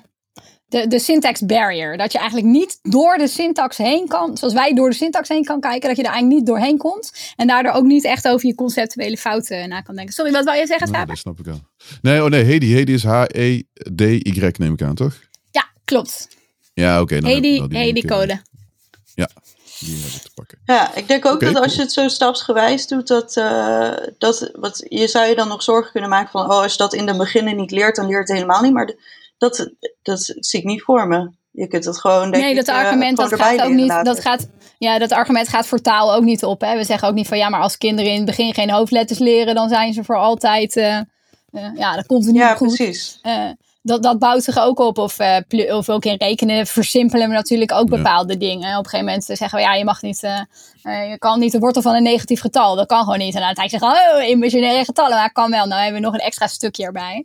Eh, en er is ook bij onderzoek bijvoorbeeld dat als studenten eerst Python leren en daarna C++. eh, dat dat bijvoorbeeld ook helemaal geen negatief effect heeft. Dus als je zegt ja, Python heeft een wat simpelere syntax. En vervolgens stap je over naar iets wat ingewikkelder is. Dan zou dat ook een soort schadelijk effect moeten hebben. Maar het, het tegenovergestelde is eigenlijk aangetoond dat juist in een, een wat lager synt- syntaxtaal zoals Python beginnen. Dat heeft helemaal geen negatief effect op C++. Dus er is niet echt een reden dat we, behalve dat mensen zouden zeggen, ja, maar dat is niet echt programmeren. Is er verder niet echt een reden dat je zou aannemen dat Ja, op zo'n simpele manier dat dat verstoort. We moeten even een lijstje met bronnetjes naar al deze uh, onderzoeksconclusies voor in uh, discussies later. Oh ja, Oh ja, ja, ja. je kan er wel een paar voor jullie optypen. Ja, Ja. ja, ja. Mooi. Maar een eh volgende onderwerp, dat is misschien wel een brug daarheen. Dat we ja, het, het programmeren, maar dan gewoon voor iedereen. Zeg maar, hoe, hoe, eh, ja, hoe kijken we daar tegenaan? En, en, want er wordt heel vaak gezegd, wat, wat ik, ik ben er nu niet over uit wat ik daarvan vind. Want er werd op een gegeven moment, dat is een discussie die, ja, ik weet niet, jaren geleden wel een beetje op gang werd gebracht. Van, ja, eigenlijk moet iedereen kunnen leren programmeren. Eh, deels wordt het ingegeven van, hey, we hebben te weinig ontwikkelaars, dus die moeten wel, eh, die hebben we nodig. En ook van iedereen moet ja, een idee hebben wat programmeren nu is. Want dat moet een soort van basiskennis zijn, zoals, zoals je Engels zou leren, leren of wiskunde of eh, een aantal andere vakken. Eh, ik zit daar een beetje 50-50 in. Ik denk, aan de ene kant heb ik zoiets van, ja, eh the more the merrier, zeg maar. Aan de andere kant denk ik van, ja, ik weet niet of iedereen, eh, of, of dat helpt. Ja, ik weet niet, ja, dat weet ik dus gewoon eigenlijk niet. Dus dat is eigenlijk wel Ja. een, misschien een beetje een brug naar het volgende onderwerp van, oké, hoe- ja, hoe gaan we meer mensen, zeg maar, aanhaken? En wat, hoe leren we mensen, eh, zoals ja, eerder gezegd werd, eh, in Excel, is Excel een programmeertaal of een programmeeromgeving? Ja, in, in mijn ogen wel, als je erover na gaat denken. Ja, Natuurlijk, ja, dat zul jij eh, eh, beamen, eh, Feline. Ja, absoluut. Eh, Ik ook. en zo zijn er meer dingen. Dus hoe, hoe, hoe kijken we daar tegenaan? Nou, ik denk dus wel dat het belangrijk is dat iedereen een beetje kan programmeren. En niet zozeer dat er te weinig developers zijn, dat is ook wel een perspectief. Maar het is meer ook zoals je wil dat iedereen taal en rekenen op, op groep 8 niveau beheerst. Want als jij, als jij iets van taal kan, je kan lezen en schrijven op eh, eind basisschoolniveau, dan betekent dat ook dat jij deel kan nemen aan de samenleving. Je kan brieven lezen. Je kan, als jij het niet eens bent ergens mee, dan kan je een petitie starten op internet. Of je kan en met de spandoek, dan kan je schrijven en dan kan je voor het gemeentehuis gaan staan. Dus jij kan met taal invloed uitoefenen op ho- hoe de wereld eruit ziet. En dat vind ik een hele belangrijke reden dat je wil dat iedereen goed kan schrijven en lezen. Anders, anders kan je niet meedoen. En hetzelfde geldt voor rekenen. En ik denk dat dat nu ook voor programmeren geldt. Als je niet een beetje de basis, en dan heb ik dus echt over eindgroep 8 basis, beheerst, dan kan je niet meedoen. En ik vind dat de coronacrisis dat ook weer duidelijk maakt. Ik bedoel, iedere dag zit je op Twitter of Facebook of waar je op zit. Wat zie je de hele dag? Grafiekjes, data. Iedereen zit op die RIVM-website weer te refreshen. Ja, Ja, ja. Als, je, als je zegt programmeren is ook in Excel een grafiekje kunnen maken, een data literacy, een beetje data kunnen lezen, eh, een beetje snappen van ja, wat zit daarachter? Hoe maak je zo'n grafiek? Hoe misleidend is zo'n grafiek? Ehm, Ja. Kan ik dat ook maken? Dat jij kan denken van, ik ga naar die website, ik download dat Excel-sheet van de RIVM en ik ga zelf naar die data kijken. Dat is ook meedoen aan de samenleving. Als jij vindt dat te veel mensen in jouw straat, weet ik niet, een parkeerboete krijgen, dan kan je of een boze brief schrijven, maar je kan tegenwoordig ook de data, zo is allemaal eh, met openbaar bestuur, je kan die data downloaden. Ja. Dan kan je zeggen, kijk eens, Ja, ja. kijk eens, buren, statistisch gezien krijgen wij veel meer parkeerboetes. Iemand moet iets doen. Het is een meedoen en de samenleving naar jouw hand zetten. En daarom vind ik waar. het zo belangrijk dat mensen een beetje van die basiskennis hebben. Ja. Nee, Ja, zo heb ik er niet naar gekeken. Dat is wel een heel, heel belangrijk. Ja. Je moet je eigenlijk, om mee te kunnen doen dat je eh, groepen niet uitsluit, zeg maar, eh, heb je die kennis misschien wel nodig. En wat, Ja. wat, hoe zou jij basiskennis definiëren? Ja, dus het belangrijkste vind ik denk ik dat je een begrip hebt van eh, dat software gemaakt is met iets wat een taal is en dat mensen dat typen. Al, ik geef natuurlijk veel, eh, veel lessen aan, aan klassen en dan kom je wel eens bij, ze zeggen bijvoorbeeld een brugklas. Nou, het idee voor kinderen van die leeftijd dat bijvoorbeeld YouTube, dat achter YouTube dat daar letters achter zitten. Dat uiteindelijk wat het is, is iemand heeft iets ingetikt. En dat er dan Ja, misschien ja. wel duizend of honderdduizend mensen daaraan hebben zitten typen. Hè? Ja. Dat dat dus niet iets is wat gewoon zomaar ontstaat. En dat daar dus ook keuzes in gemaakt zijn. Dat wat jij op YouTube als volgende filmpje krijgt, dat is, het is niet gewoon, er is gewoon zo, ja, er is gewoon zo'n vrouw. Hoe komt dat dan op? Ja, dat is gewoon zo. Dat is niet gewoon zo. Iemand heeft daar beslissingen gemaakt. En, en wat, wat jouw telefoon allemaal van jou bijhoudt. Dus het belangrijkste besef vind ik dat, dat kinderen dat snappen en weten. Hè? En ik denk dus, je kan zeggen, ja, maar je kunt het ook gewoon tegen ze vertellen. Iemand heeft dat getypt. Ja, zeker, dat kan. Maar je wil natuurlijk zelf ook een beetje die ervaring. Net als, ja, net als met een boek, weet je. Kinderen als ze groep 8 uit hebben, dan, dan zijn ze natuurlijk nog niet J.K. Rowling of zo. Maar ze zien een Harry Potter boek en ze denken, ja, ik, ik zou dat ook kunnen schrijven. En wat is het proces? Nou ja, je gaat op je billen zitten en je typt. En misschien verzin je een beetje iets bij. De basiskennis, het alfabet, grammatica, de, de basiskennis hebben ze. En ze hebben een idee van hoe ongeveer zo'n boek eruit ziet. En ze hebben zelfs ook nog wel een beetje een idee van een businessmodel. Van ja, iemand heeft een boek gemaakt. Ja, dan moet je er tien uitprinten of honderd. Nou, iemand moet dat betalen. Die ligt in de winkel, dat kan ik kopen. Een beetje dat besef van het hele proces wat bij een boek komt kijken.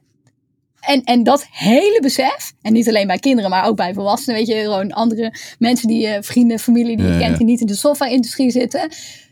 Hoe, hoe, hoe maak je een app? Ja, vrienden, kan jij een app maken? Wat voor app? Of welk platform? Geen Ja, ja. idee hebben ze. Ze hebben niet het idee of dat. Ze denken ook dat jij een soort magician bent. Dat jij in een uur een app kan maken. Eh, Geen enkele notie van. Ook met die, met, die, met die Hugo de Jonge met zijn corona tracking app. Ja, wat is een app? Ja. Oh, ja. is dat? Wat is, is wat is struggle die Bluetooth? iedereen kent, denk ik. Ja. Nee, maar ook gewoon, wat is, op, op welke afstand werkt Bluetooth? Ja, wie weet dat nou? Sorry, ik zal eerlijk zeggen, Ja. ik moest ook even opzoeken wat precies de range van Bluetooth Ja. is. Weet ik ook niet uit mijn hoofd. Maar ik weet wel, wat is Bluetooth, wat is wifi, wat zijn die protocollen. Dus als ik een uurtje google, kan ik me echt goed een beeld vormen van alle risico's die komen kijken bij zo'n tracking app. Dan denk ik, ik wil dat iedereen dat kan.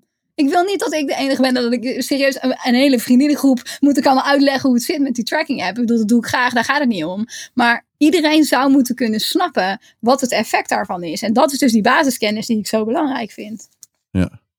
Ja, precies. En dan heb je natuurlijk ook niveaus, zeg maar. Dus dat je op middelbaar onderwijs kan je misschien wat verder dan op de basisschool. En dat Ja, dan, eh, tuurlijk. Dus dat, dat is wel, ja, ja. Maar het mooie in wat het systeem van Nederland is natuurlijk dat we op de basisschool alle kinderen bereiken. En daarom vind ik het ook belangrijk dat we op de basisschool al dingen doen. Want op de middelbare school gaat het uitsplitsen. En beleidsmakers die denken heel vaak eh voortgezet onderwijs is VWO of HAVO-VWO. Nou, eh, en die kijken vaak helemaal niet zoveel naar die lagere eh, takken van voortgezet onderwijs. Omdat dat niet iets is waar mensen in hun eigen omgeving mee te maken hebben. Want de meeste mensen die het voor het zeggen hebben zijn natuurlijk zelf hoger opgeleid. Ja, Dus heb het risico met, altijd van het in het voortgezet onderwijs doen, is dat je dan niet iedereen meer pakt. Heb je, heb je eigenlijk iets van software of programmeren op VMBO-niveau? Want ik zou dat, dat is toch eigenlijk, ik vind dat best wel logisch, want het is toch een toegepast iets. Dus ik zie eigenlijk niet in waarom dat niet op VMBO ook. eh, Ja, je hebt eigenlijk niet iets echt wat eh, officieel mandated is door Oostenrijk op ieder niveau. Niet op basisschoolniveau of op VWO, HAVO of VMBO of wat dan ook. Of MBO. Eh, er is eigenlijk nergens iets verplicht. Het jammere is dat de overheid daar vlak voor corona mee bezig was. Met een nieuwe leerlijn basisonderwijs en voortgezet onderwijs. eh, voor alle vakken. En daar zou dan dus ook een tak di- digitale geletterdheid bij komen. Ehm, maar ja, ten eerste is er nu corona. En ten tweede was dat een onderwijsvernieuwing die voor taal en rekenen en eh, Engels en zo en alle andere vakgebieden een vernieuwing was. En veel mensen hadden, Mhm. veel docenten hadden terechte opmerkingen over de vernieuwing van het curriculum.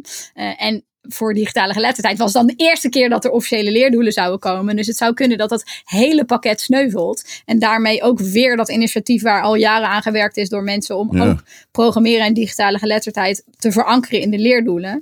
Dus eh, nou ja, goed, mensen zijn hier al 50 jaar mee bezig als het niet langer is.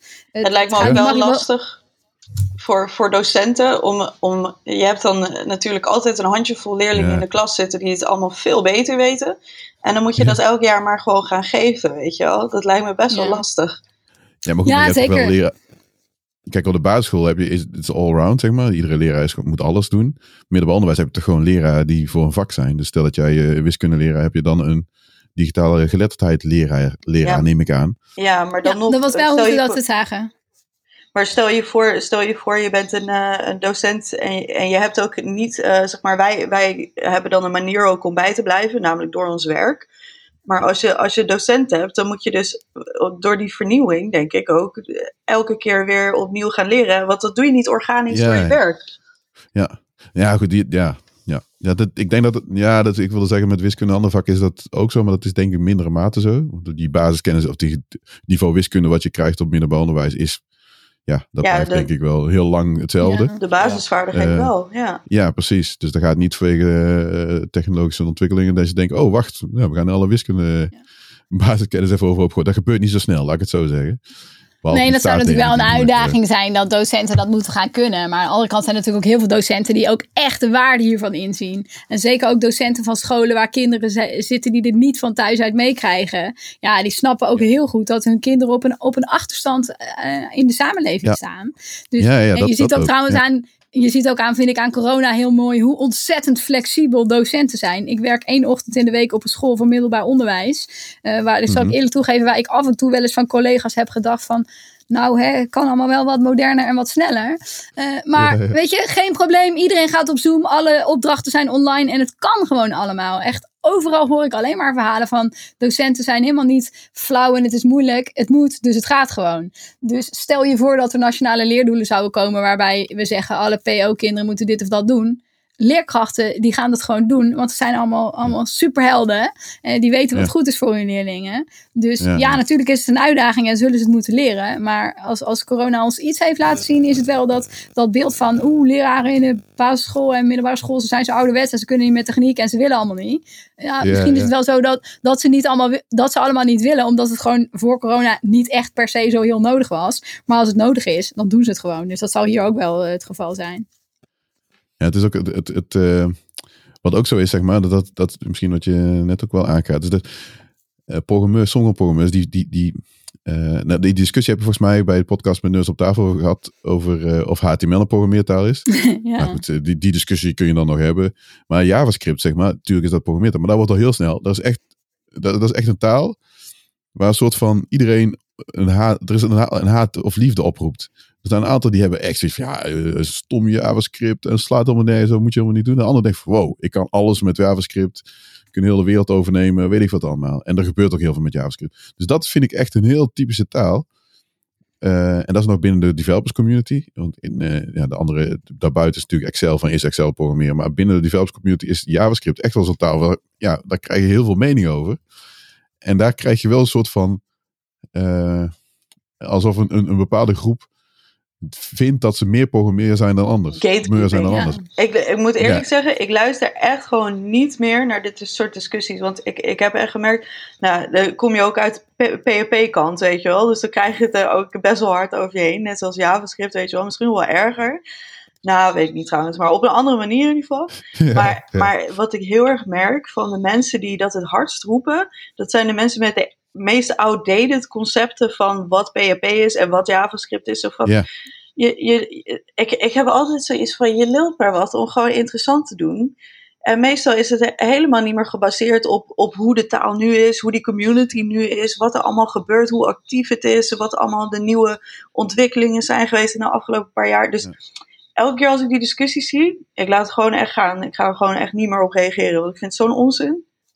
Ja, nee, dat is precies. Dat is binnen de community al die gatekeeping. En dat, dat is ook met frontenders, weet je wel. Of ja, maar je bent geen, je bent geen softwareontwikkelaar. Zeg maar, hoezo niet? Ja. Weet je, eh, Het is, waar- natuurlijk, het is natuurlijk niet? heerlijk dat je die discussie kan negeren. Ik, ik, I can't help myself. Maar uh, all the better voor jou als je eruit kan blijven. Dat, ik, ik gun je mentale rust. Maar die discussies, ook al doe je er niet aan mee, hebben natuurlijk wel super veel impact op mensen. Hè, dus uh, wij hebben een beetje onderzoek naar gedaan naar wat zien mensen nou als echte programmeertalen. En zien ze ook de taal die ze zelf gebruiken als een programmeertaal. Wat je bijvoorbeeld ziet in de, de R in de data science community.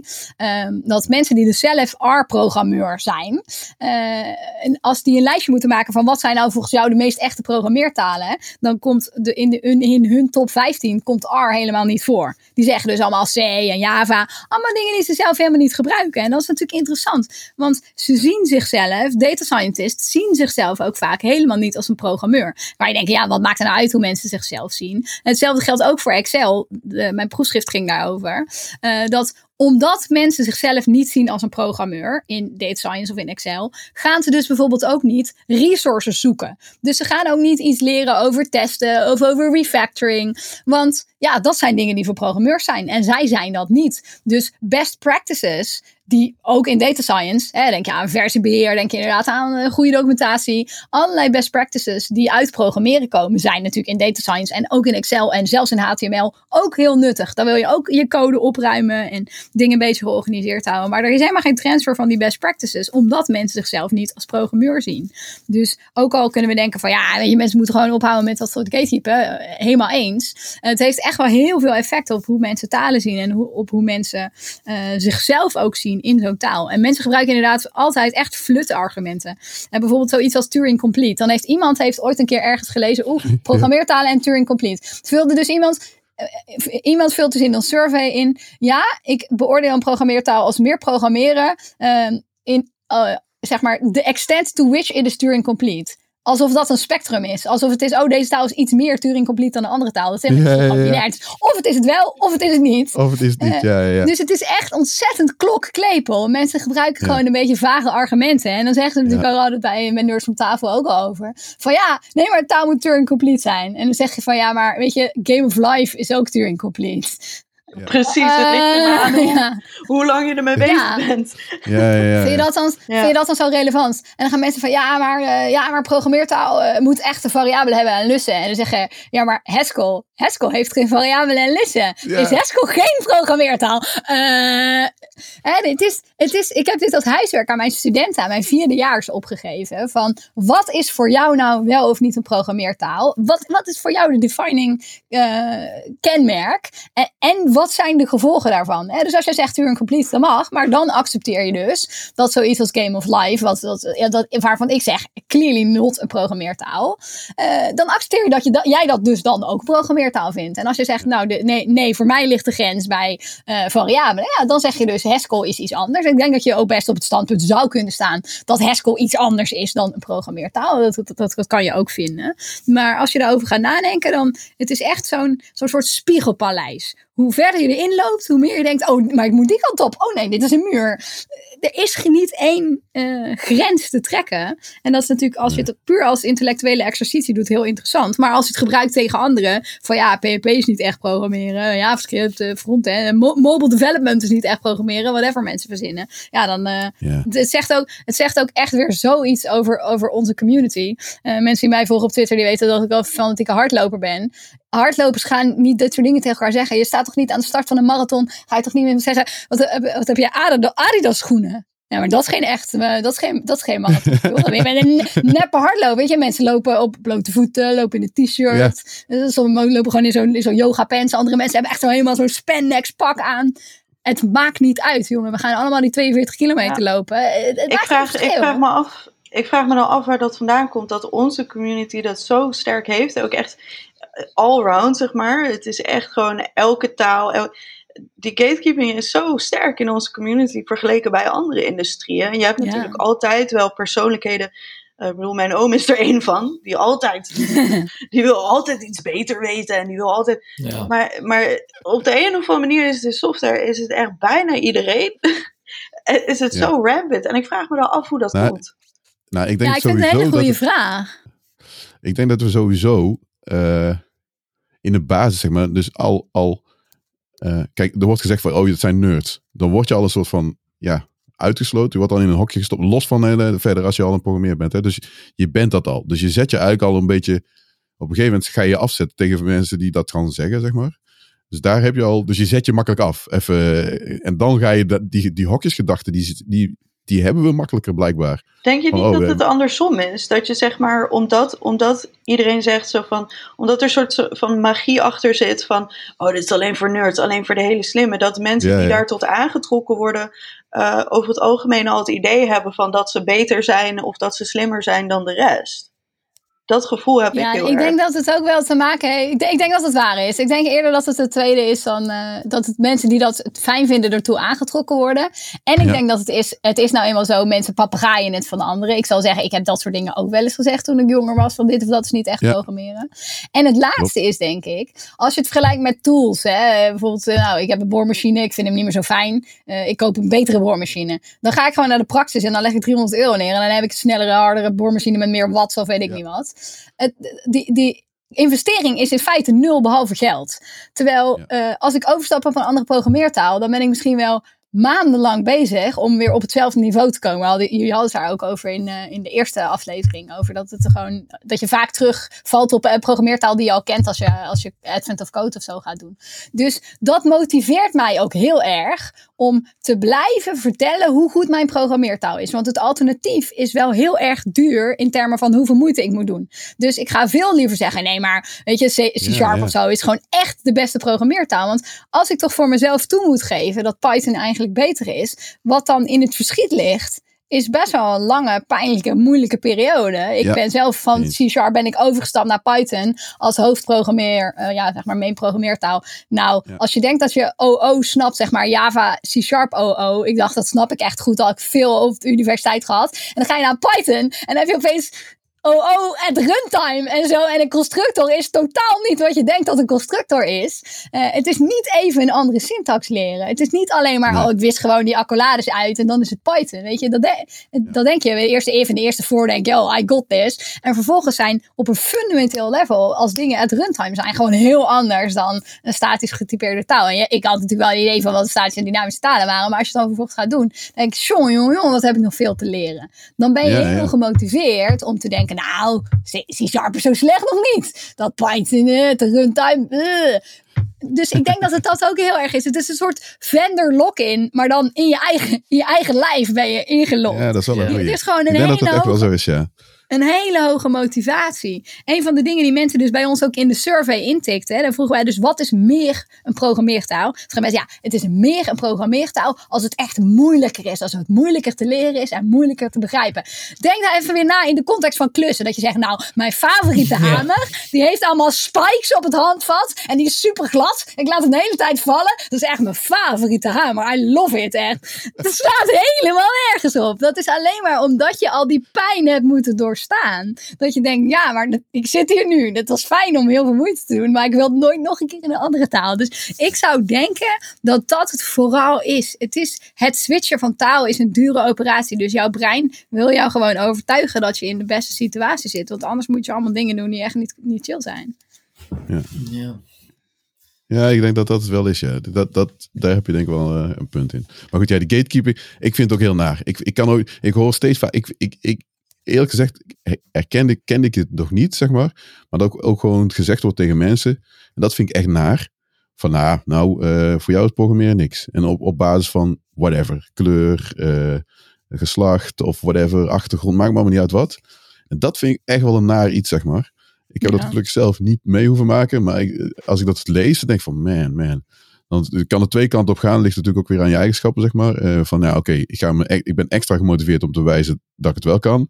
Of, oké, nou, dit ga ik dan, dan maar niet doen. Want eh, ja, niemand eh, gelooft dat ik het kan. Dus dat is echt wel... Nou, Ja, ik denk dat dat verzetten. Ik denk dat je dat, die, die, die attitude van het verzetten, dat, dat je daar wel een punt mee hebt. Want dat heb ik in ieder geval voor mezelf, en volgens mij heb je dat ook over jezelf eerder gezegd. Ehm, dat, dat voor mij was dat ook heel sterk, van dat ik me dan extra wil bewijzen. Maar ik denk dat het gros van de mensen gewoon snel afhaakt. Want het is gewoon helemaal niet Ja. chill.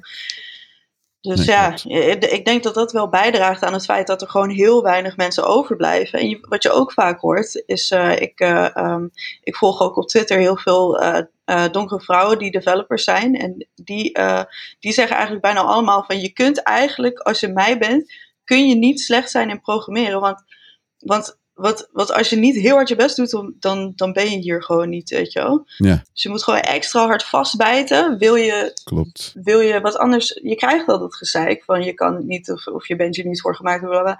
Dus als je op één ding kunnen pakken, dan pak ze. Bijvoorbeeld eh, ehm, hard. iemand die Ja. ik volg is eh, Taylor Alexis. Die is, eh, die is eh, twee jaar geleden, geloof ik, eh, heeft ze een, eh, een switch gemaakt. Die, die werkte eerst ehm, bij een fastfoodketen, ik weet niet wat, maar iets in de, eh, iets in de keuken. En daar, daar had ze geen zin meer in. En toen heeft ze zelf gewoon gezegd van oké, fuck it, ik ga een bootcamp doen. En eh, gewoon in mijn vrije tijd, eh, het weinige dat ik heb, ga ik het gewoon mezelf aanleren.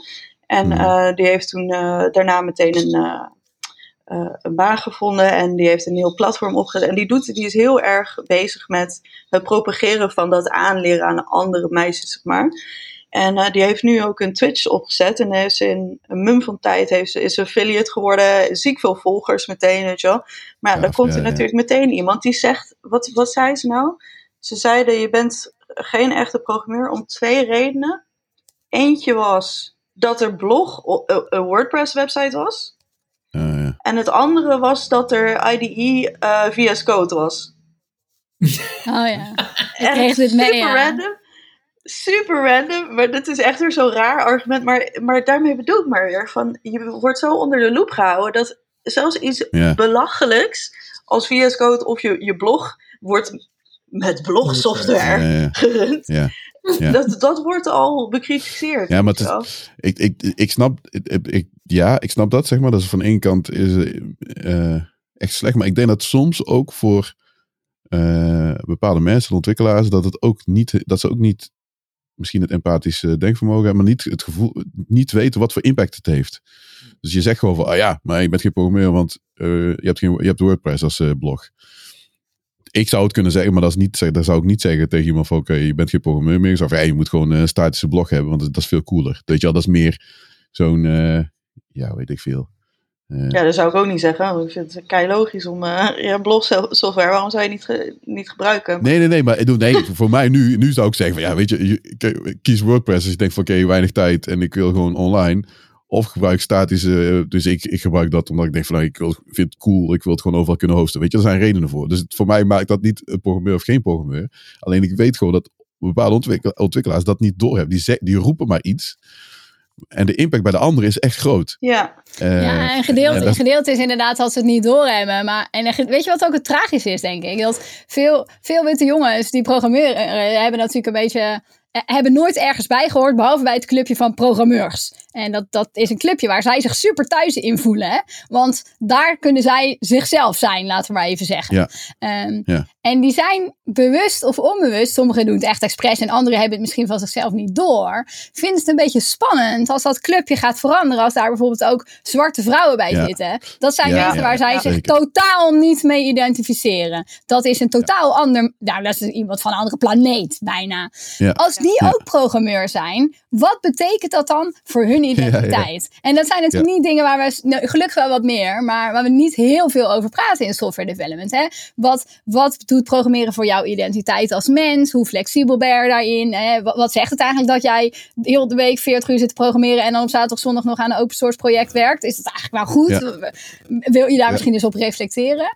Eh, en dat ze zich daardoor ook heel erg gaan verzetten daartegen. Omdat, ja, als iedereen kan programmeren en jouw identiteit is dat jij kan programmeren, wat is jouw identiteit dan nog? ja. Hè, want we Ik denk ook dat je daar wel- jouw ide- identiteit is, je kan goed schrijven en je kan de tafel van 12. Ja, iedereen kan de tafel van 12. Dus als dat jouw identiteit is, ja, dan heb je niet zo heel veel anders. Eh, dus ja, en sommige mensen doen dat dus echt bewust. En anderen denk ik een heel groot gedeelte, wat eigenlijk, wat ik zei, heel tragisch is, dat, eh, dat soms mensen zijn die misschien gepest zijn om hun identiteit, die dan nu eigenlijk in een soort pesters veranderen. Omdat ze het zo fijn vinden dat ze eindelijk een clubje hebben gevonden, dat ze absoluut niet willen dat het clubje verandert. Ja, ja. Ik Ja, denk, dus ik denk dat je daar van- wel... Huh? Ja, ga maar. Ja, het gevoel. Gebeurt.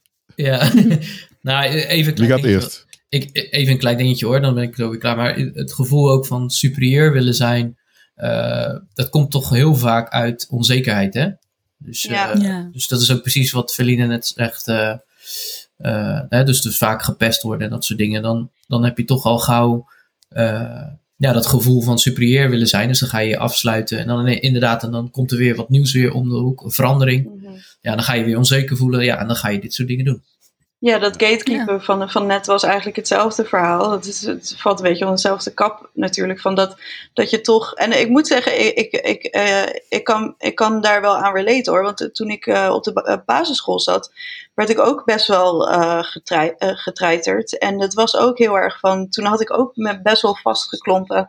eh geklompen?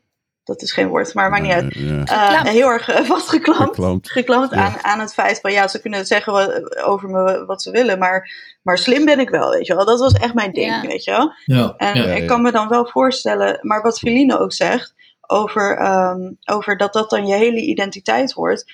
Ik denk dat je daar wel een raak punt hebt, want eh, je ziet dat ook bijvoorbeeld heel erg met videogames. Dat je, je had op een gegeven moment, ehm, hoe heette die hele saga nou? Eh Gamergate. Gamergate. Ja, dat Oh. je, dat je, Oh, je had, ik, weet, ik weet haar naam niet meer, dat- maar dat was een, eh, Ik een, niet, ja.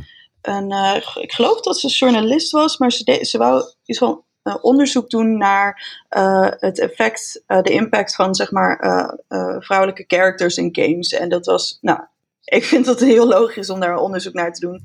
Um, maar goed, maakt niet uit. Dat vonden heel veel gamers dus blijkbaar niet. En, en toen werd er dus heel vaak, werd er heel erg tegen afgezet. En je ziet, je hoort ook heel vaak natuurlijk dat gamers online, uh, vrouwelijke gamers, heel vaak uh, worden harassed over, over voice chat en dat soort dingen. En echt worden weggepest gewoon.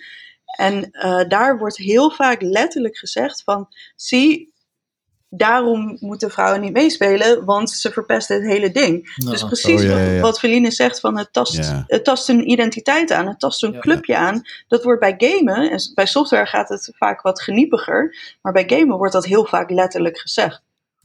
Ja. die Zoe Quinn, klopt dat? Ja, ja zo ik van, de, van de Depression Quest. Dat was volgens mij inderdaad. Ja. Zij had een game gemaakt. En een journalist, die dan later geloof ik haar ex-vriend was, uh, had daar een positieve review over geschreven. En dat kikt het eigenlijk af. En dan heb je ook nog Arnita uh, Sarkeesian. Zij is die bedoelde een journaliste, een feminist. Die heel veel uh, YouTube-video's heeft gemaakt. Waarin ze eigenlijk op een feministische manier videogames de deconstruct. Dat ze zegt van ja, maar kijk hier. Hè, zoiets als die trope van Princess Peach bij Mario. Die is heel passief. En er is alleen maar in Mario 2 of zo kan je met Peach spelen. En die andere Mario's. Goh, dat is eigenlijk wel opvallend. Hè? Dat je, hebt, je kan zelf met een paddenstoel spelen, maar niet met een vrouw. Nou, ja, daar kan je iets van vinden. En eigenlijk zijn qua feministische discourse zijn haar filmpjes wel vrij ja, medium hoor. Die zijn, ze zijn yeah. eigenlijk heel erg van, goh, kijk, dit zijn de elementen van het spel. En hier zijn een aantal tropes, een aantal, uh, ja, zij doet een soort literary theory niet op super chockerend of zo.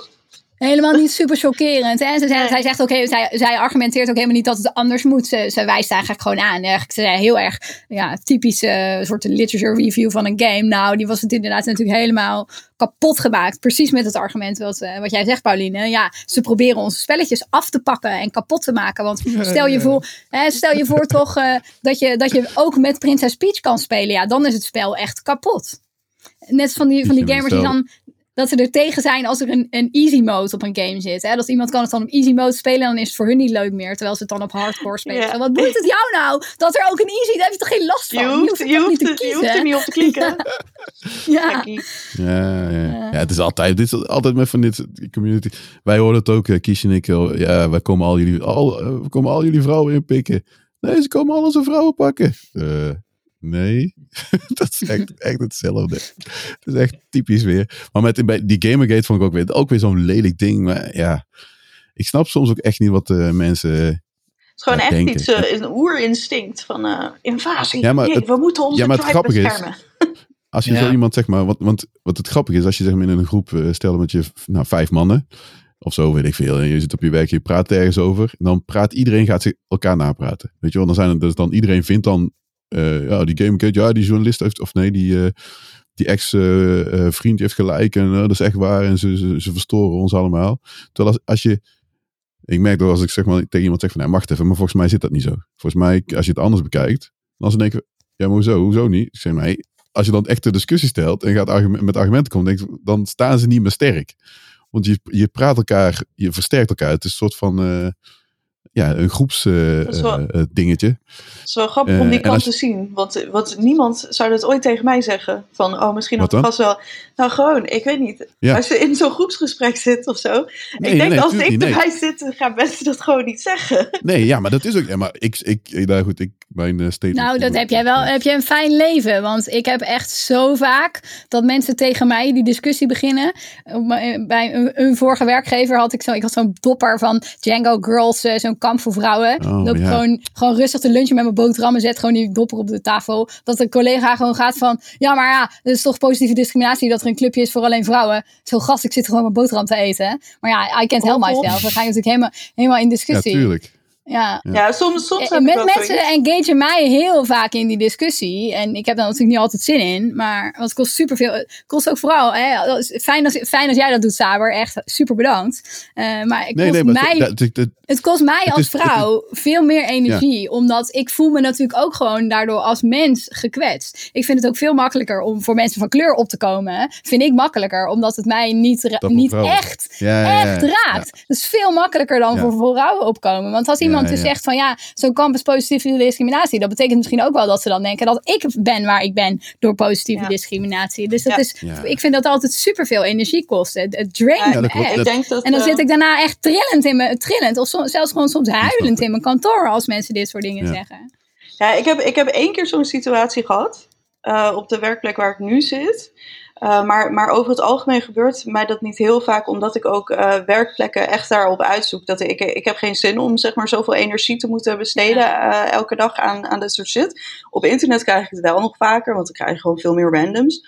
Maar ik heb wel één keer op werk gehad, inderdaad, dat, eh, ehm, ja, de- dat ik echt wegliep gewoon. Toen waren we op een conferentie met, met collega's en toen hadden we het over... eh, Ehm, nou, toevallig was er iemand op die conferentie die me, toen ik spreker was bij een andere conferentie, eh, tijdens de social, eh, had hij, eh, werd hij handtastelijk met me. En Oh. ja, ja, Oh. maar ja, dat is, ja, dat is niet ongehoord. Dat, dat is het ding, dat is niet ongehoord. Ehm, maar ja, toen, toen heeft dus die, eh, die conferentie heeft er heel goed op eh, opgetreden. En die heeft ook eh, gezorgd, gezorgd dat, dat het precies ging zoals waar ik me comfortabel bij voelde. Van we kunnen hem nu wegsturen of we kunnen zorgen dat hij nooit meer op een conferentie van ons komt, bla bla bla. Nou, oké, prima. Alleen dit was natuurlijk een heel andere conferentie met andere organizers. Dus zag ik die gast in één keer. Dus ik zo, weet je wel, dan ben je opeens best wel zo taken aback, weet je wel. Mhm. En eh, toen, toen had- hadden we het daarover tijdens eten. En dat was ik met drie collega's. En eh, eh, toen zei ik zo van... ze- Zij waren super gechoqueerd van... Oh, dat kan toch niet dit en dat. Ik zei ja, maar het gebeurt dus best wel vaak dit soort shit, weet je wel. Ehm, niet alleen bij mij, maar bij heel veel mensen. En toen begonnen ze dat heel erg in twijfel te trekken. Dus toen, toen zag ik het bij al hangen, weet je wel. Dus ik zeg van... ehm, weet je, laat maar, we hoeven het er niet over te hebben. Want ik heb gewoon geen zin om daarover over te praten met mensen die dat constant in twijfel gaan, gaan, gaan trekken. Ik heb daar geen trek in. Dus ik heb bij voorbaat al gezegd van luister, laten we het over iets anders hebben. Want ik heb geen zin om met drie mannen hierover te praten. Ja. Puur omdat jullie in twijfel trekken hoe vaak dat gebeurt. Omdat jullie gewoon niet Ja. zien hoe vaak het gebeurt. Heel logisch. Maar toen begonnen ze dus best wel ja, dan zeiden ze van oké, we gaan het wel over iets anders hebben. En dan kwam het elke keer, begonnen ze het weer op te rakelen. Oh, ja. Ja, ja. Elke keer zei ik nee. Ja, maar het is wel... En op een gegeven Ja, moment kijk, werd, het, werd het nog heel even voor. Op een gegeven moment eh, kwam het echt tot het punt dat ze best wel agressief me aankeken en zeiden van... eh, oh, dus je zegt dat alle mannen... rrrr." En toen had ik zoiets van, oké, doei. Toen ben ik echt all ja, weggelopen. dat snap ik. Ja, ja, die snap ik. Ja, Die snappen. Typisch. Wat, kijk, wat gewoon, wat gewoon kloten is, ik- een, de eigenschap van mannen, en dat, ja, dat heb ik ook, maar is, ik ga niet zeggen dat ik in deze situatie hetzelfde zou doen, denk ik niet. Maar je mannen proberen problemen op te lossen. Dat is een beetje het ding. Ik denk, van, oh ja, ik ga het wel oplossen. Die, die gaan niet luisteren. Die denken, oh, nou, eh, wacht even. Dan gaan we dat, nee, dan gaan we fixen nu. Ja, maar dat hoeft nu niet. Nee, ik ga dit oplossen. Weet je, dat is echt een, ja, een man ja, maar ze wouden helemaal niks oplossen. Ze kwamen ook niet met oplossingen. Ja. Ze wouden vooral gewoon zeggen dat dingen niet Gelijk gebeurden. hebben. Oh, zo, ja, ja, ja. Dat was ja, het. gewoon ne- negeren zelfs, ja. Nee, Ja. dat is nog erger. Nou, niet, niet eens negeren, negeerden ze het maar. Maar gewoon oprecht zeggen van... Nee, dat, eh, dat overdrijf je. Eh, nou, dat weet jij helemaal niet. Doei. Dat ook echt niet. Nou, goed. Dat is kleuten. Maar ja, goed, dat, dat is dus wel... eh, als je het hebt over eh, van... waarom eh, heb je niet meer vrouwen en niet meer dit en dat? Ja, je, je moet er maar de hele tijd eh, energie in willen steken. En ik denk dat heel veel mensen gewoon afhaken. Ja, wat Ja, jij ook in het begin zei, hè, van je moet en al eigenlijk al extra goed zijn. Want als je wat dan ook niet goed hebt, dan ben je daar het slachtoffer. En als je dat dan vervolgens bent, dan moet je ook nog tegen echt soms harassment kunnen dat mensen echt je iets proberen aan te doen. En ook nog de hele tijd jezelf verdedigen van ja, maar ik zit hier heus niet omdat ik een vrouw ben. Ja, En ja. ja, het is al die dingen bij elkaar. Ja, dan is het natuurlijk geen wonder dat er al zo weinig mensen, vrouwen beginnen of mensen van kleur. En het dan ook niet volhouden. Gewoon denken, ik heb echt ook vaker bij mezelf gedacht. Fuck die hele shit. Ik ga gewoon iets totaal. Ik ga me gewoon truien verkopen op Etsy. Ik kan er niet meer tegen. Ik ben het gewoon hè, meer dan zat om de hele tijd maar, Ja, maar dat- feminisme 101 te moeten geven aan de lunchtafel. Ja. Ik bedoel, lees zelf eens een keer een boek. Ja. En degene die het wel volhouden, dat zijn de, de mensen die terugbijten. Dus dan krijg je ook weer een Ja. stereotype van, oh, ze lopen altijd te zeiken. Oh ja. Want anders ben je het Ja. al lang niet meer, weet je. Ja, Nee, dat al, is al wel die waar, ja. vrouwen, er zijn al die carrièrevrouwen zijn allemaal bitches. Ja, nee, dat moet wel, gast. Jullie hebben de rest allemaal weggepakt. Ja. Dat ligt niet aan ons. Dus Dat is wel dat waar. Zo kijkt, zo kijkt eigenlijk niemand er tegenaan, ja. Ja. Dat is wel waar. Als jij, als Ja, jij een zachtaardige vrouw wil, dan moet, je, dan, moet je, dan moet je dus een cultuur creëren waarin zachtaardige vrouwen ook naar de top kunnen. Ja, dat ain't gonna happen natuurlijk in de patriarch. Nee. Nee, klopt. Maar als er, eh, wat denken jullie, als, er, zeg maar, als het 50-50 is, dat, dat er nou 50% vrouwen zijn, 50% mannen eh, ontwikkelaars, gaat het, eh, dat gaat denk ik helpen sowieso.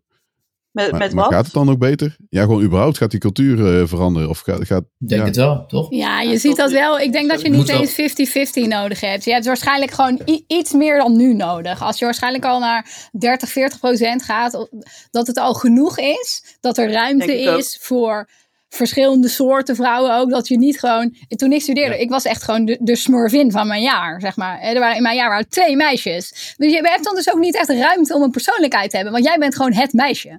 Eh, en dat geldt ook in een team. Als jij de enige vrouw van een team bent, of ook als je de enige persoon van kleur bent van een team, dan ben je gewoon dat. Dan, dan heb jij niet ook nog ruimte om nuance in de- je persoonlijkheid te hebben. Want je wordt altijd gezien als wat jij doet, dat is wat Tunesiërs doen. Of wat jij doet, dat is Ja, wat ja. Zo zijn vrouwen.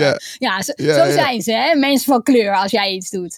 Eh, dus als je er een paar hebt, ook al is het gewoon vijf of zes in een, in een, in een team van, eh, of in een, in een bedrijf van eh 50, dan is er dus al ruimte voor, hé, hey, kijk eens, je hebt vrouwen die zijn zus en je hebt vrouwen die zijn zo. Ze kunnen allemaal ook een beetje van elkaar verschillen.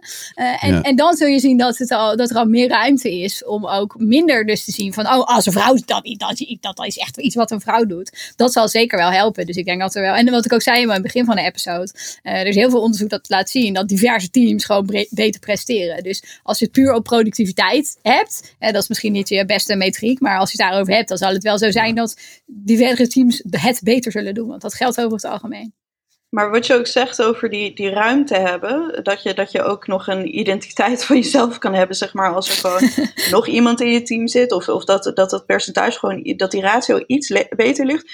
Eh, wat je ook merkt als je gewoon niet die ruimte hebt, is dat je al heel snel in een bepaalde rol wordt ge- gestopt. Eh, namelijk wat ik heel vaak zie, is dat technische vrouwen bijvoorbeeld, die, die ehm, technische dingen willen, dat zie ik bij mezelf ook, maar ehm worden heel vaak in het agile hokje eh, ge- ge- gestopt. Want je bent goed met mensen. Eh, het wordt dan veel, veel sneller dat, dat het. eh, en, of, of in het eh, diversiteitsding. Oh ja, ja, ja. Sorry. Of weet je, het is altijd een, een mensending. Want, oh ja, maar jij, jij vindt dat toch heel interessant en jij bent daar toch goed in. En dan is het zo van, ja, natuurlijk vind ik het interessant, dat gaat mij aan. Weet je wel? Maar dat betekent niet dat, dat, Nee. dat, dat ik niet software engineer wil zijn. Weet je wel? Ik wil developer zijn. Dat, dat is wat ik hier kom om te doen. Dat betekent niet dat ik, dat ik overal waar ik heen ga, dat ik gewoon de helft van mijn tijd. Oh ja, wil, wil je niet eh, omgeschoold worden tot agile coach? Nee, laat me rusten. Maar ik, ik, snap het wel. En er zijn, het is natuurlijk, staat iedereen vrij om, om dat wel te willen natuurlijk. Maar, maar Ja, ik vind het wel irritant dat, dat ik telkens een beetje daarheen gestuurd word. Ja, voor, Nee, ja, ja, dat. Ja, dat is echt een bekend Nee. patroon. Dat vrouwen vaker in eh, documentatierollen of in testersrollen, ook als ze dat helemaal niet willen, als Ja. ze even gekwalificeerd zijn als de rest van het team, er is dan inderdaad toch een bepaalde verwachting. Eh, soms ook eh, weer vanuit een soort van aardig, naïeve aardigheid. Van, oh, dat vind jij vast leuker. Jij vindt het vast leuker. Ik weet nog zelfs dat toen Ja, ik, ik was derdejaars en wij deden, wij deden een project voor de universiteit. En dan gingen mijn groepsgenoten ook van, eh, ja, nee, maar dan kan jij wel met de klant praten en de presentatie maken. Want dat vind jij waarschijnlijk leuk. Ja, dat was ook nog wel waar ook. Eh, maar het was waarschijnlijk, het was waarschijnlijk een, stuk, een stuk beter geweest als zij een keer eh, naar een klant hadden Ja, ja, ja. Want dan hadden ze meer van opgestoken. En ook qua presentaties maken. Ik kon dan wel een beetje programmeren dat ik toen naar de universiteit ging. Maar ik, ik leerde daar niet echt per se veel van een presentatie doen. Want dan kon ik eigenlijk wel. Ik had beter meer kunnen programmeren. Had meer, meer van opgestoken dan van presentaties geven. Dus mensen Ja, gaan ja. dan inderdaad in een bepaalde rol stoppen die je helemaal niet wil. En dan heb je natuurlijk weer self-fulfilling prophecy. Want als jij dan zegt, ja, dat vind ik ook best wel leuk. Ja, dan, dan lig je eruit. Dan ben je niet meer echt technisch. Ja. Oh ja, dat ook nog, ja. ja. Hm. Nee, dat is waar.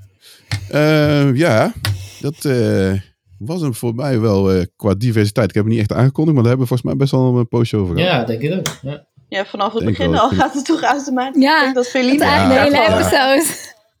Ja, Ja, nee, ik sorry, vind het ook niet. Ik vind, Het is een zeik, Ja. eh, zeikpodcast deze keer. Ja. Het is echt mijn, fa- Nee, mijn nee. favoriete, niet favoriete onderwerp. Hè. Het liefst zou je er niet over willen praten, maar het, het kan gewoon niet. En ook hoe ouder Nou ja, ik word vind- eigenlijk, hoe meer verantwoordelijk ik me ook voel om het er wel over te Ja. hebben. Want, want ik heb het gemaakt in een bepaalde zin. Dus als ik het er niet over heb, als ik alleen maar zeg everything's fine, dan wordt het nog veel moeilijker om ook voor jonge, voor jonge, jongere vrouwelijke programmeurs om daarover te praten. Dus ik voel me echt super verplicht om dat op me te nemen, zodat de generatie na mij gewoon al die bullshit niet meer hoeft te hebben. Nou ja, niet meer, is Nee. waarschijnlijk niet waar, maar in ieder geval ietsjes minder. Minder. Ja, dat gaat niet wel gebeuren. bewust is omgaan. niet zo optimistisch. Maar... Nee, nee, zo snel gaat het niet gebeuren. Maar ik vind wel dat, kijk, als, als we kunnen streven naar, als het, ja, naar 30%, 40%, ja, dat, dat, ik zou dat echt wel fijn vinden. Weet je, dan, het, het gaat echt wel beter. Want je gaat ook merken dat, men, dat je eh, eh, mensen beter, met, in, in het geval met vrouwen of met gekleurde mensen, dat ze daar beter mee leren omgaan. Je moet er bekend mee raken, want het is ook echt wel Ja. een onbekende. Eh, we zijn horken, weet je wel, dat is ook nog zo. Dus dat moet, ja, je moet er gaan wennen. Je moet een keer op je bek gaan, dan moet iemand moet je corrigeren. En uiteindelijk gaat het wel soepeler worden, zodat het een, een fijnere environment, ja, tegenwoordig zegt iedereen veilige omgeving. Ja, dat het een veilige omgeving is voor iedereen. Maar je krijgt je wel eerst, eerst moet je langs de jankende gatekeepers heen. Want het wordt gewoon een beetje stroef en een beetje moeilijk. En het is ook allemaal Klopt. hartstikke eng. Maar Ja. Nee, dat, is, Eng. dat is ook echt zo. Nee. Dus, eh, maar goed. Ehm, ja, de tips. Ik heb, eh, aan het einde doen we altijd een beetje tips. Als we ze hebben. Ik heb één tip, dat is belangrijk. Die ga ik sowieso eh, erin droppen. Dat is een, boeken, een boekentip. Dat is een boek, De Programmeerbende. Oh ja, zeker. Eh, Ga ik bestellen. Geschreven door Inge Strijker. En, wie is Inge eh, Strijker trouwens? Want dat is een Nederlandse ja. naam, maar ik ken haar niet. Dus misschien is het een goed idee om even te introduceren. Ja, zij is een kinderboekschrijfster, eh, maar ook ICT'er. Eh en zij had het idee om een kinderboek te schrijven over programmeren, omdat er heel veel rom- kinderromans zijn over andere onderwerpen. Eh, iemand wil paardrijden of eh, iemand wil atletieken of zo. Ze dacht, ja, er is eigenlijk niet een roman waarin een kind programmeur wil worden. En dat zou wel een heel mooi zaadje kunnen planten bij kinderen. Eh, en toen kwam zij op het idee, eh, ze kwam met mij in contact via een gezamenlijke kennis, om dan mij als hoofdrolspeler in het boek te hebben. Dus de hoofdrolspeler in het boek is eh, Feline van Elf.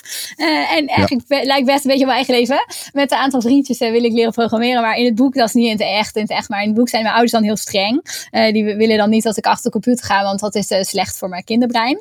Eh, en dan komt er een hacker, die gaat school hacken. En mijn vader is dan politieagent in het boek, dus ook niet in het echt. Eh, en, maar die gaat dan de- proberen de hacker te vangen. Maar die kan dat natuurlijk niet, want die snapt niks van computers. En dan gaan de kinderen gaan dan eh, proberen de hacker te Ja, ja. pakken. Oh, Dus dat is eh, een, een kinderboek, een spannend kinderboek, om kinderen ook een beetje een idee te geven van ja, wat is nou programmeren voordat ze het echt gaan leren. Dat ze dan denken van oh, oh programmeren is misschien wel iets, eh, iets cools. En het boek is sinds, eh, sinds maart is het uit. Dat kan je het ook op, kopen bijvoorbeeld op bol.com.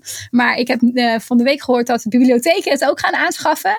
Dus Ja. je kunt het Oh. misschien ook wel in de, in de Oh, bibliotheek dat is wel nice. Ja, de Biblion, dat is die bibliotheek inkoop doen, die hebben 250 exemplaren gekocht. Dus er is best wel een grote kans, ja vet hè, best wel een grote kans dat het, eh, dat het bij een biep bij jou in de buurt ook gewoon te lenen is. Als je, jij of je kind daar lid van zijn. Eh, en ook in boekhandels weet ik dat het in, eh, in sommige bruna's eh, ligt. Het. Dus eh, het is eh, verkrijgbaar als je je kind wil inspireren om te leren programmeren. Leuk. Nee, ik heb eh, mijn zoon, je kan hem meteen, ja, ik hoorde het. Ik heb hem meteen besteld. Ik heb mijn eh, oudste het laten lezen, want het idee was, maar dat is echt een faal van mij. En eh, ik, moet, ik heb het hem beloofd, ik ga het ook doen. Ik, ik heb tegen hem gezegd van, oké, ik ga samen met je. Hij heeft, ik heb gezegd, lees het boek voordat we die podcast op gaan nemen. Heeft hij gedaan. Hij vindt het super spannend. Eh, er zijn programmeeropdrachten zitten daarin. Dus er er is op een site staan een aantal dingetjes die hij, dus die wil hij heel graag doen. Dus dat moet ik dus nog met hem doen. En ik had gezegd van ik ga met jou wel een stukje podcast opnemen. En dan ga ik je interviewen over het boek. Oh, dus dat ga ik nice. dus doen. Dus ik hoop, ik hoop dat ik dat, nou dat hoop ik niet. Dat ga ik wel in deze aflevering ergens bij plakken. Superleuk. En, eh, zodat hij aan het woord komt. Dus dat is het. Maar het is echt, ja, ik, ik las, ik heb het helaas niet gelezen. Want ik, dat zei hij ook, had het bij mij op mijn nachtkastje gelegd. Zei van papa, lees het nou, want je moet het echt lezen. Dat, ik, ben, Nou, le- ik, ik ben pas een paar pagina's diep. Dus dat, dat, ik, ik las twee pagina's en dacht van oké, spannend. Wat is die? eh Feline en Pepijn eh, la- had ik in het begin gelezen. Die jongen die eh, daar genoemd wordt. Dus ik, het, het, het- ja, het is leuk geschreven. Dus het is echt wel een, eh, een goede boekentip. En, eh, Cool. Ja. Ja. Heb ik nog meer boeken? te- Ja, ik heb er nog één, maar dat is meer een... Ja, algemeen is niet per se specifiek voor, dit, eh, voor deze aflevering. Had ik vorige keer al gezegd, maar eh, ja, het gaat over een boek, uh, monolithen naar microservices. Dus stop ik gewoon de show links, dus daar, daar ga ik niet verder heel lang bij stilstaan. Ehm, ik, ik heb zelf ve- verder geen tips over conferenties of zo. Eh, nee. Eh, het is wel zo, er was een tijdje geleden, Microsoft had een, eh, aangekondigd, zoals alle anderen, dat de, hun beeldconferentie dat die, virtueel wordt. Dus ik had me ingeschreven. Ik denk, nou, we zien wel. En toen kreeg ik een pakketje thuis in één keer. Ja, Met allerlei eh conferentie goodies. ja was het Dat een broodtrommel? Een broodtrommel toch? Ja, die toch? broodrollen. Ik denk, Ja. grappig. En, en sokken. En stickers. Ik denk, nou, dat is toch, dat leuk. toch Ik bedoel, leuk- eh, tof gedaan. Ja. Het is gratis ook. Ja, maar goed, dan eh, geeft het toch wel weer een plusje. Het was ook niet voor iedereen, grap, blijkbaar. En ik had er denk ik redelijk snel eh, ingeschreven. Dus ik was wel hoeveel positief sponsor verrast. crap krijg je? Precies. Wat, wat, dat nee, is niet heel veel. Oké. Nee, dat was het zeg maar. Het was echt alleen van Microsoft zelf. Want het is ook een Microsoft eh, conferentie. En ik krijg gewoon een broodtrommeltje, kreeg ik. eh, een paar stickers, sokken. En Ja, nog ook iets wat ik nu... Hoewel ik ben Ja, dat is wel grappig. Microsoft. Ja. Maar- Ja. Ja, Nee, nee, gratis conferenties, eh, eh, het, eh, ehm, het is wel leuk als het van het bedrijf zelf is natuurlijk. Maar elke keer denk je van, oh, zal ik me nou inschrijven? En dan denk je, nee. Als ik die conferentie experience niet krijg, dan wil ik ook niet al die kutmailtjes van, hey, I was wondering if we could touch base about, Oh ja. uh, how's your team? Ja, dat ja. Nee, dat is bij Microsoft valt het heel erg mee. Die hebben echt zoiets van, ja, weet je, daar komen volgens mij ieder jaar zoveel duizend mensen. Het is meteen altijd uitverkocht. Dus, dus ze zitten daar niet zo heel erg. eh, voor hun is het echt een beetje een soort van eh, ja, evangelism, zeg maar. Vroeger waren dat echt marketingverhalen. Maar tegenwoordig is het echt wel inhoudelijk ook wel sterker. Dus dat Microsoft echt wel, ja, als bedrijf echt wel positief eh, verbeterd de laatste jaren. Dus ik ben er wel, eh, wel blij mee. Jullie tips, toevallig. Ik heb je van tevoren niet gevraagd, want dit is allemaal Nee. heel knettergoed voorbereid. Oh, mag, Ja, ik, mag ik nog een tipje pitchen? Ja, tuurlijk, Ja. tuurlijk. Ik heb eh afgelopen paar maanden ben ik bij, met iets bezig geweest wat ik ook best wel cool vind. Oh ja, eerst nog even extra aandacht voor Hedi, onze programmeertaal in stapjes voor kinderen, gratis en open source. Mijn andere tip is ook gratis eh, en ook open source. Eh, de afgelopen maanden heb ik met een aantal bedrijven gewerkt aan het oefenen van je code lees skills. Dus dat noemen we Code Reading Club. En dan kom je dus iedere week met een aantal mensen bij elkaar. En dan ga je dus echt oefenen met code lezen. En ik heb eh, eh, blog, afgelopen week een blogpost geschreven. Die kunnen we misschien even linken. Met oefeningen die je kan gebruiken om te lezen. Want zomaar gewoon code lezen. Ja, ik heb zelf als ik code moet lezen. Dus je denkt, ja, waar moet je, waar moet je eigenlijk beginnen? Hoe, hoe doe je dat eigenlijk, code lezen? Dat weten we Ja, eigenlijk niet zo goed. Dus ik heb samen met, met, eh, met iemand van het bedrijf Neon Tribe. Hebben wij een setje exercises gemaakt. Die gewoon ook op GitHub staan. Bijvoorbeeld van, Mhm. wat, val- kijk, naar de, kijk 30 seconden naar de code. Wat valt je als eerste op? En waarom is dat? Of schrijf even alle variabele namen op. En wat haal je uit die variabele namen? Nou, heel kleine oefeningetjes die je kan doen. Eh, je kan het gewoon zelf, kan je die gebruiken als je zelf code moet lezen. Maar je kan ook als je denkt, ik wil daar beter in worden. En misschien met corona, als de co- conferentie niet doorgaat, heb ik wat extra tijd. Eh, met collega's iedere week bij elkaar komen om dit te doen. En eh, het is echt super. Ik had niet gedacht dat het echt aan zou slaan. Maar iemand van Neon Tribe is met één clubje begonnen. Zij hebben nu al vijf clubjes die wekelijks bij elkaar komen. Die uitgespind zijn. En bij een ander Oh, bedrijf zijn ook inmiddels al vier clubjes opgericht. Dat mensen het dus echt nuttig vinden blijkbaar om dit te oefenen met elkaar. En om het daarover te hebben. Eh, dus misschien kunnen jullie linken naar die blogpost. En dat is ook weer gewoon allemaal gratis. Dus ik eh, verdien er verder niks aan. Maar kijk gewoon naar die oefeningen. Als je denkt dat het waardevol is, kan je het een keer uitproberen. Eh, als je ook zo'n codeclubje wil runnen en je denkt, oh het zou wel gaaf zijn als Feline dat een keer remote wil faciliteren of mee wil kijken. Ik heb dus ook remote bij heel veel van hun clubjes gezeten en daar steek ik ook weer heel veel van op, want dan leer ik weer meer wat mensen met die oefeningen doen. En dat is ook weer heel handig Ja, voor als ja. ik ga lesgeven en die oefeningen ook ga gebruiken. Dus dit is wel een tip als mensen denken, ik wil beter worden in code lezen, dan hebben we daar een eh, starter package voor wat je, kan, eh, wat je van GitHub kan downloaden Maar via mijn website. Qua, qua talen maakt het natuurlijk niet uit, toch? Nee, want het is gewoon lezen. Maakt niet uit welke code programmeert. Nee, dus wij hebben, wij, hebben een aantal, eh, wij hebben een aantal codes die kan je als eerste gebruiken. Maar je kan ook zelf iets kiezen. Je kan iets van open source van GitHub halen. Of je kan iets uit je eigen bedrijf. Als je het met allemaal collega's van hetzelfde bedrijf doet, kan je ook iets uit je bedrijf pakken. Eh, het maakt eigenlijk niet zoveel uit wat je doet. Het is handig natuurlijk als je allemaal dezelfde taal een beetje spreekt. Maar ja, aan de andere kant, als er iemand bij zit die de taal nog niet zo goed kent. Ja, dan kan die er ook weer eh, van leren. Als je Ja, maar ja. alleen turn complete talen met variabelen. Ja, graag alleen Wel echt, C++. eh, ja. Niet ja. van die JavaScript troep. Daar is geen begin aan. Nee. Ga, nu gaan jullie dit eruit knippen hè? en als eerste zin doen Nee, van de joh, nee, nee, podcast. nee. Nee, dit, dit, dit, wordt, quoten. dit wordt gewoon de, dit wordt gewoon een snippet, ja. Die gaan we op Twitter zetten. Dit is de Ja, dit is wat Feline echt Zo'n denkt teaser. over JavaScript. Ja, precies. Dit wordt gewoon de teaser eh, straks. eh. Ja. Daar gaat mijn reputatie. Nice, nice, nice. Ja. Nou, ik, heb, ik, ik, ik zit nog even, ja. ik zat nog op de achtergrond een, eh, een andere boektip eh, op te zoeken. Eh, hè, we vragen ons steeds af van, ja, waarom, eh, ja, wie zijn we nou eigenlijk en waar komen we vandaan en hoe is het nou zo ontstaan? Ik kan eh, ja, een, eh, een boek eh, zeker wel aanraden, dat is eh, Sapiens.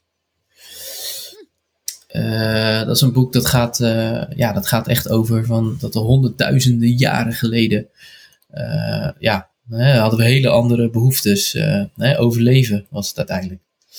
En het is wel interessant. eh, de schrijver die neemt je dus mee in de geschiedenis. eh, en, en, en ja, het is wel interessant om te zien eh, dat, dat het blijkbaar toch iets met ons heeft gedaan eh, als mensen Ja. nu. Zeker weten. Hè, dus dat superieur Ja, cool. willen zijn en eh, waarom steden er zijn en waarom men zich verdedigen en dat soort dingen.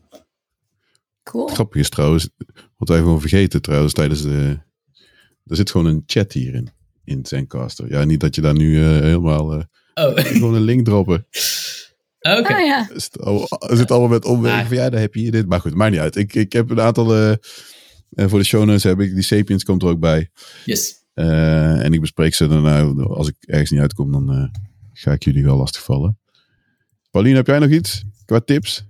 Eh, nee, ik had eigenlijk alleen die, die, eh, die talk van Brunty, van Matt Brunt. Dus, eh, nou, Ma- en Matt misschien Brunt. Matt Brunt. En misschien, eh, Ja. ja. ja, ik heb hem eh, in, eh, in de chat gegooid. Ja, ja, ja. Dus Klopt, dat is een recording eh. van Skull, Skull and PHP eh, 2018. Volgens mij heeft hij hem daarna niet echt meer gegeven. Misschien één of twee keer. Maar, eh, dus ik heb geluk gehad. En eh, misschien eigenlijk ook nog, omdat we het er net ook over hebben gehad. ehm, eh, die Twitch-channel van Taylor Alexis is misschien wel leuk.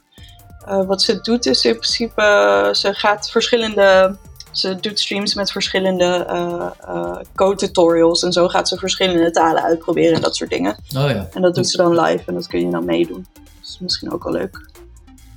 Ik zal dat ook nog even in de chat gooien. Nou, hier bij mij is eh, hier aan deze kant is de Eigenlijk tijd. de dat ik belangrijk- het ik Eigenlijk, Ja. eigenlijk eh, is de Ja, ik belangrijkste hoor daar een baby huilen. hè? Iemand wil Ja, precies. Oh ja, die, Ja. en eh, ik- ja, jullie horen het dan niet, maar bij mij is dat ook dus nu het geval. Maar eh belangrijkste tip, lees, wees lief voor elkaar, lieve programmeurs. Hè? Het is corona nu, dus eh, wees vooral lief voor elkaar. ja, zeker. Ja. Mooi, tip. mooie tip. Mooi hoor. Ja, Ja, zeker.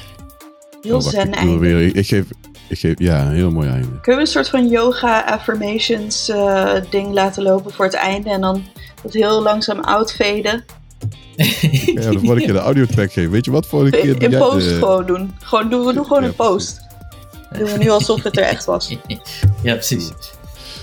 Hey, eh, dankjewel. Feline, bedankt eh, om eh, als gast... eh, Ja, het was superleuk. Het was superleuk Ja. om bij te zijn. En leuk dat het zo goed gaat Ja. met Code Klets.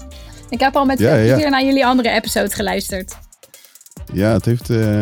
ja, ja, het is echt leuk om te doen. Dat, dat, dat, dat, dat kan ik alleen maar zeggen, ja. Nice. Cool. Ik ga reclame maken voor jullie. Nou, Oké, cool. Dankjewel. Nou, thanks allemaal. Ik Ja, jij ook, Saber. Joe. Joe.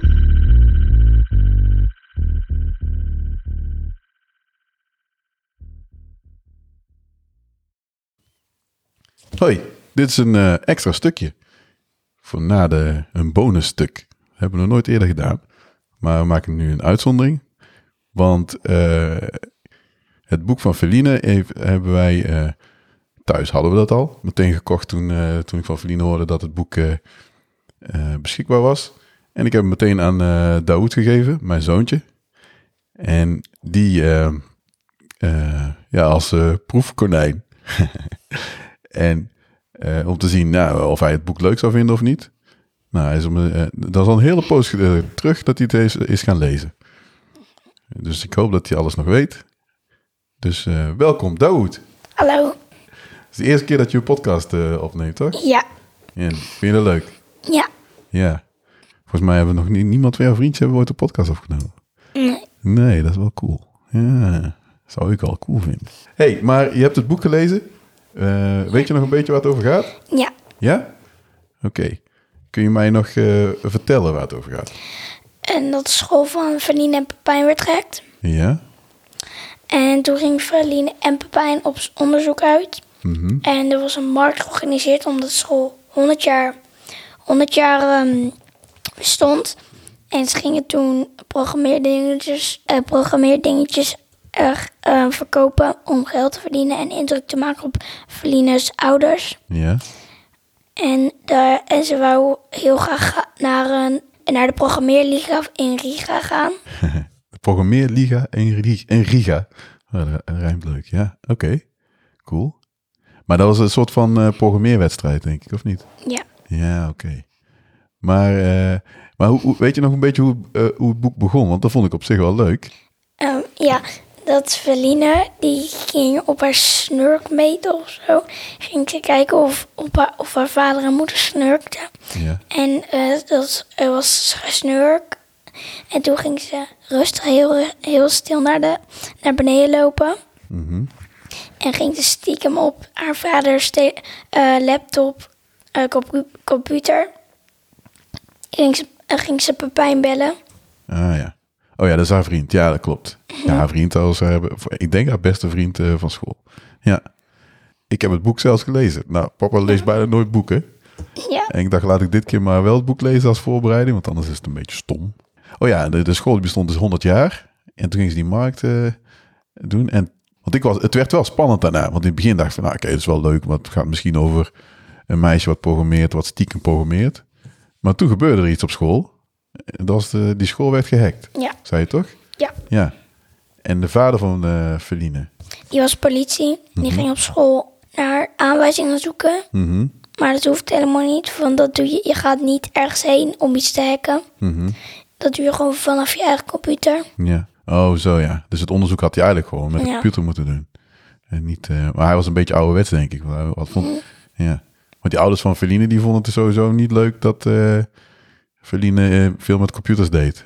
Ja, dat was wel, eh, ja, vond ik wel eh, grappig, ja. Wel bijzonder. Terwijl Feline gewoon heel graag programmeert. Ja.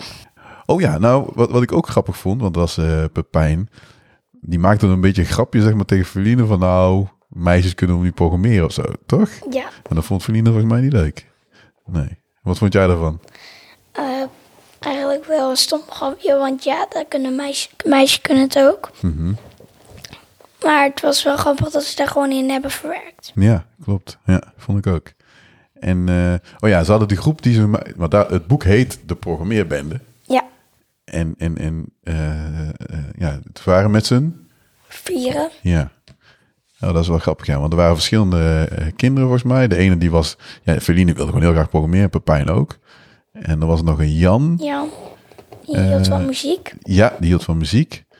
En oh, nou ben ik de, meisje, de naam van het meisje vergeten. Dat is echt niet goed.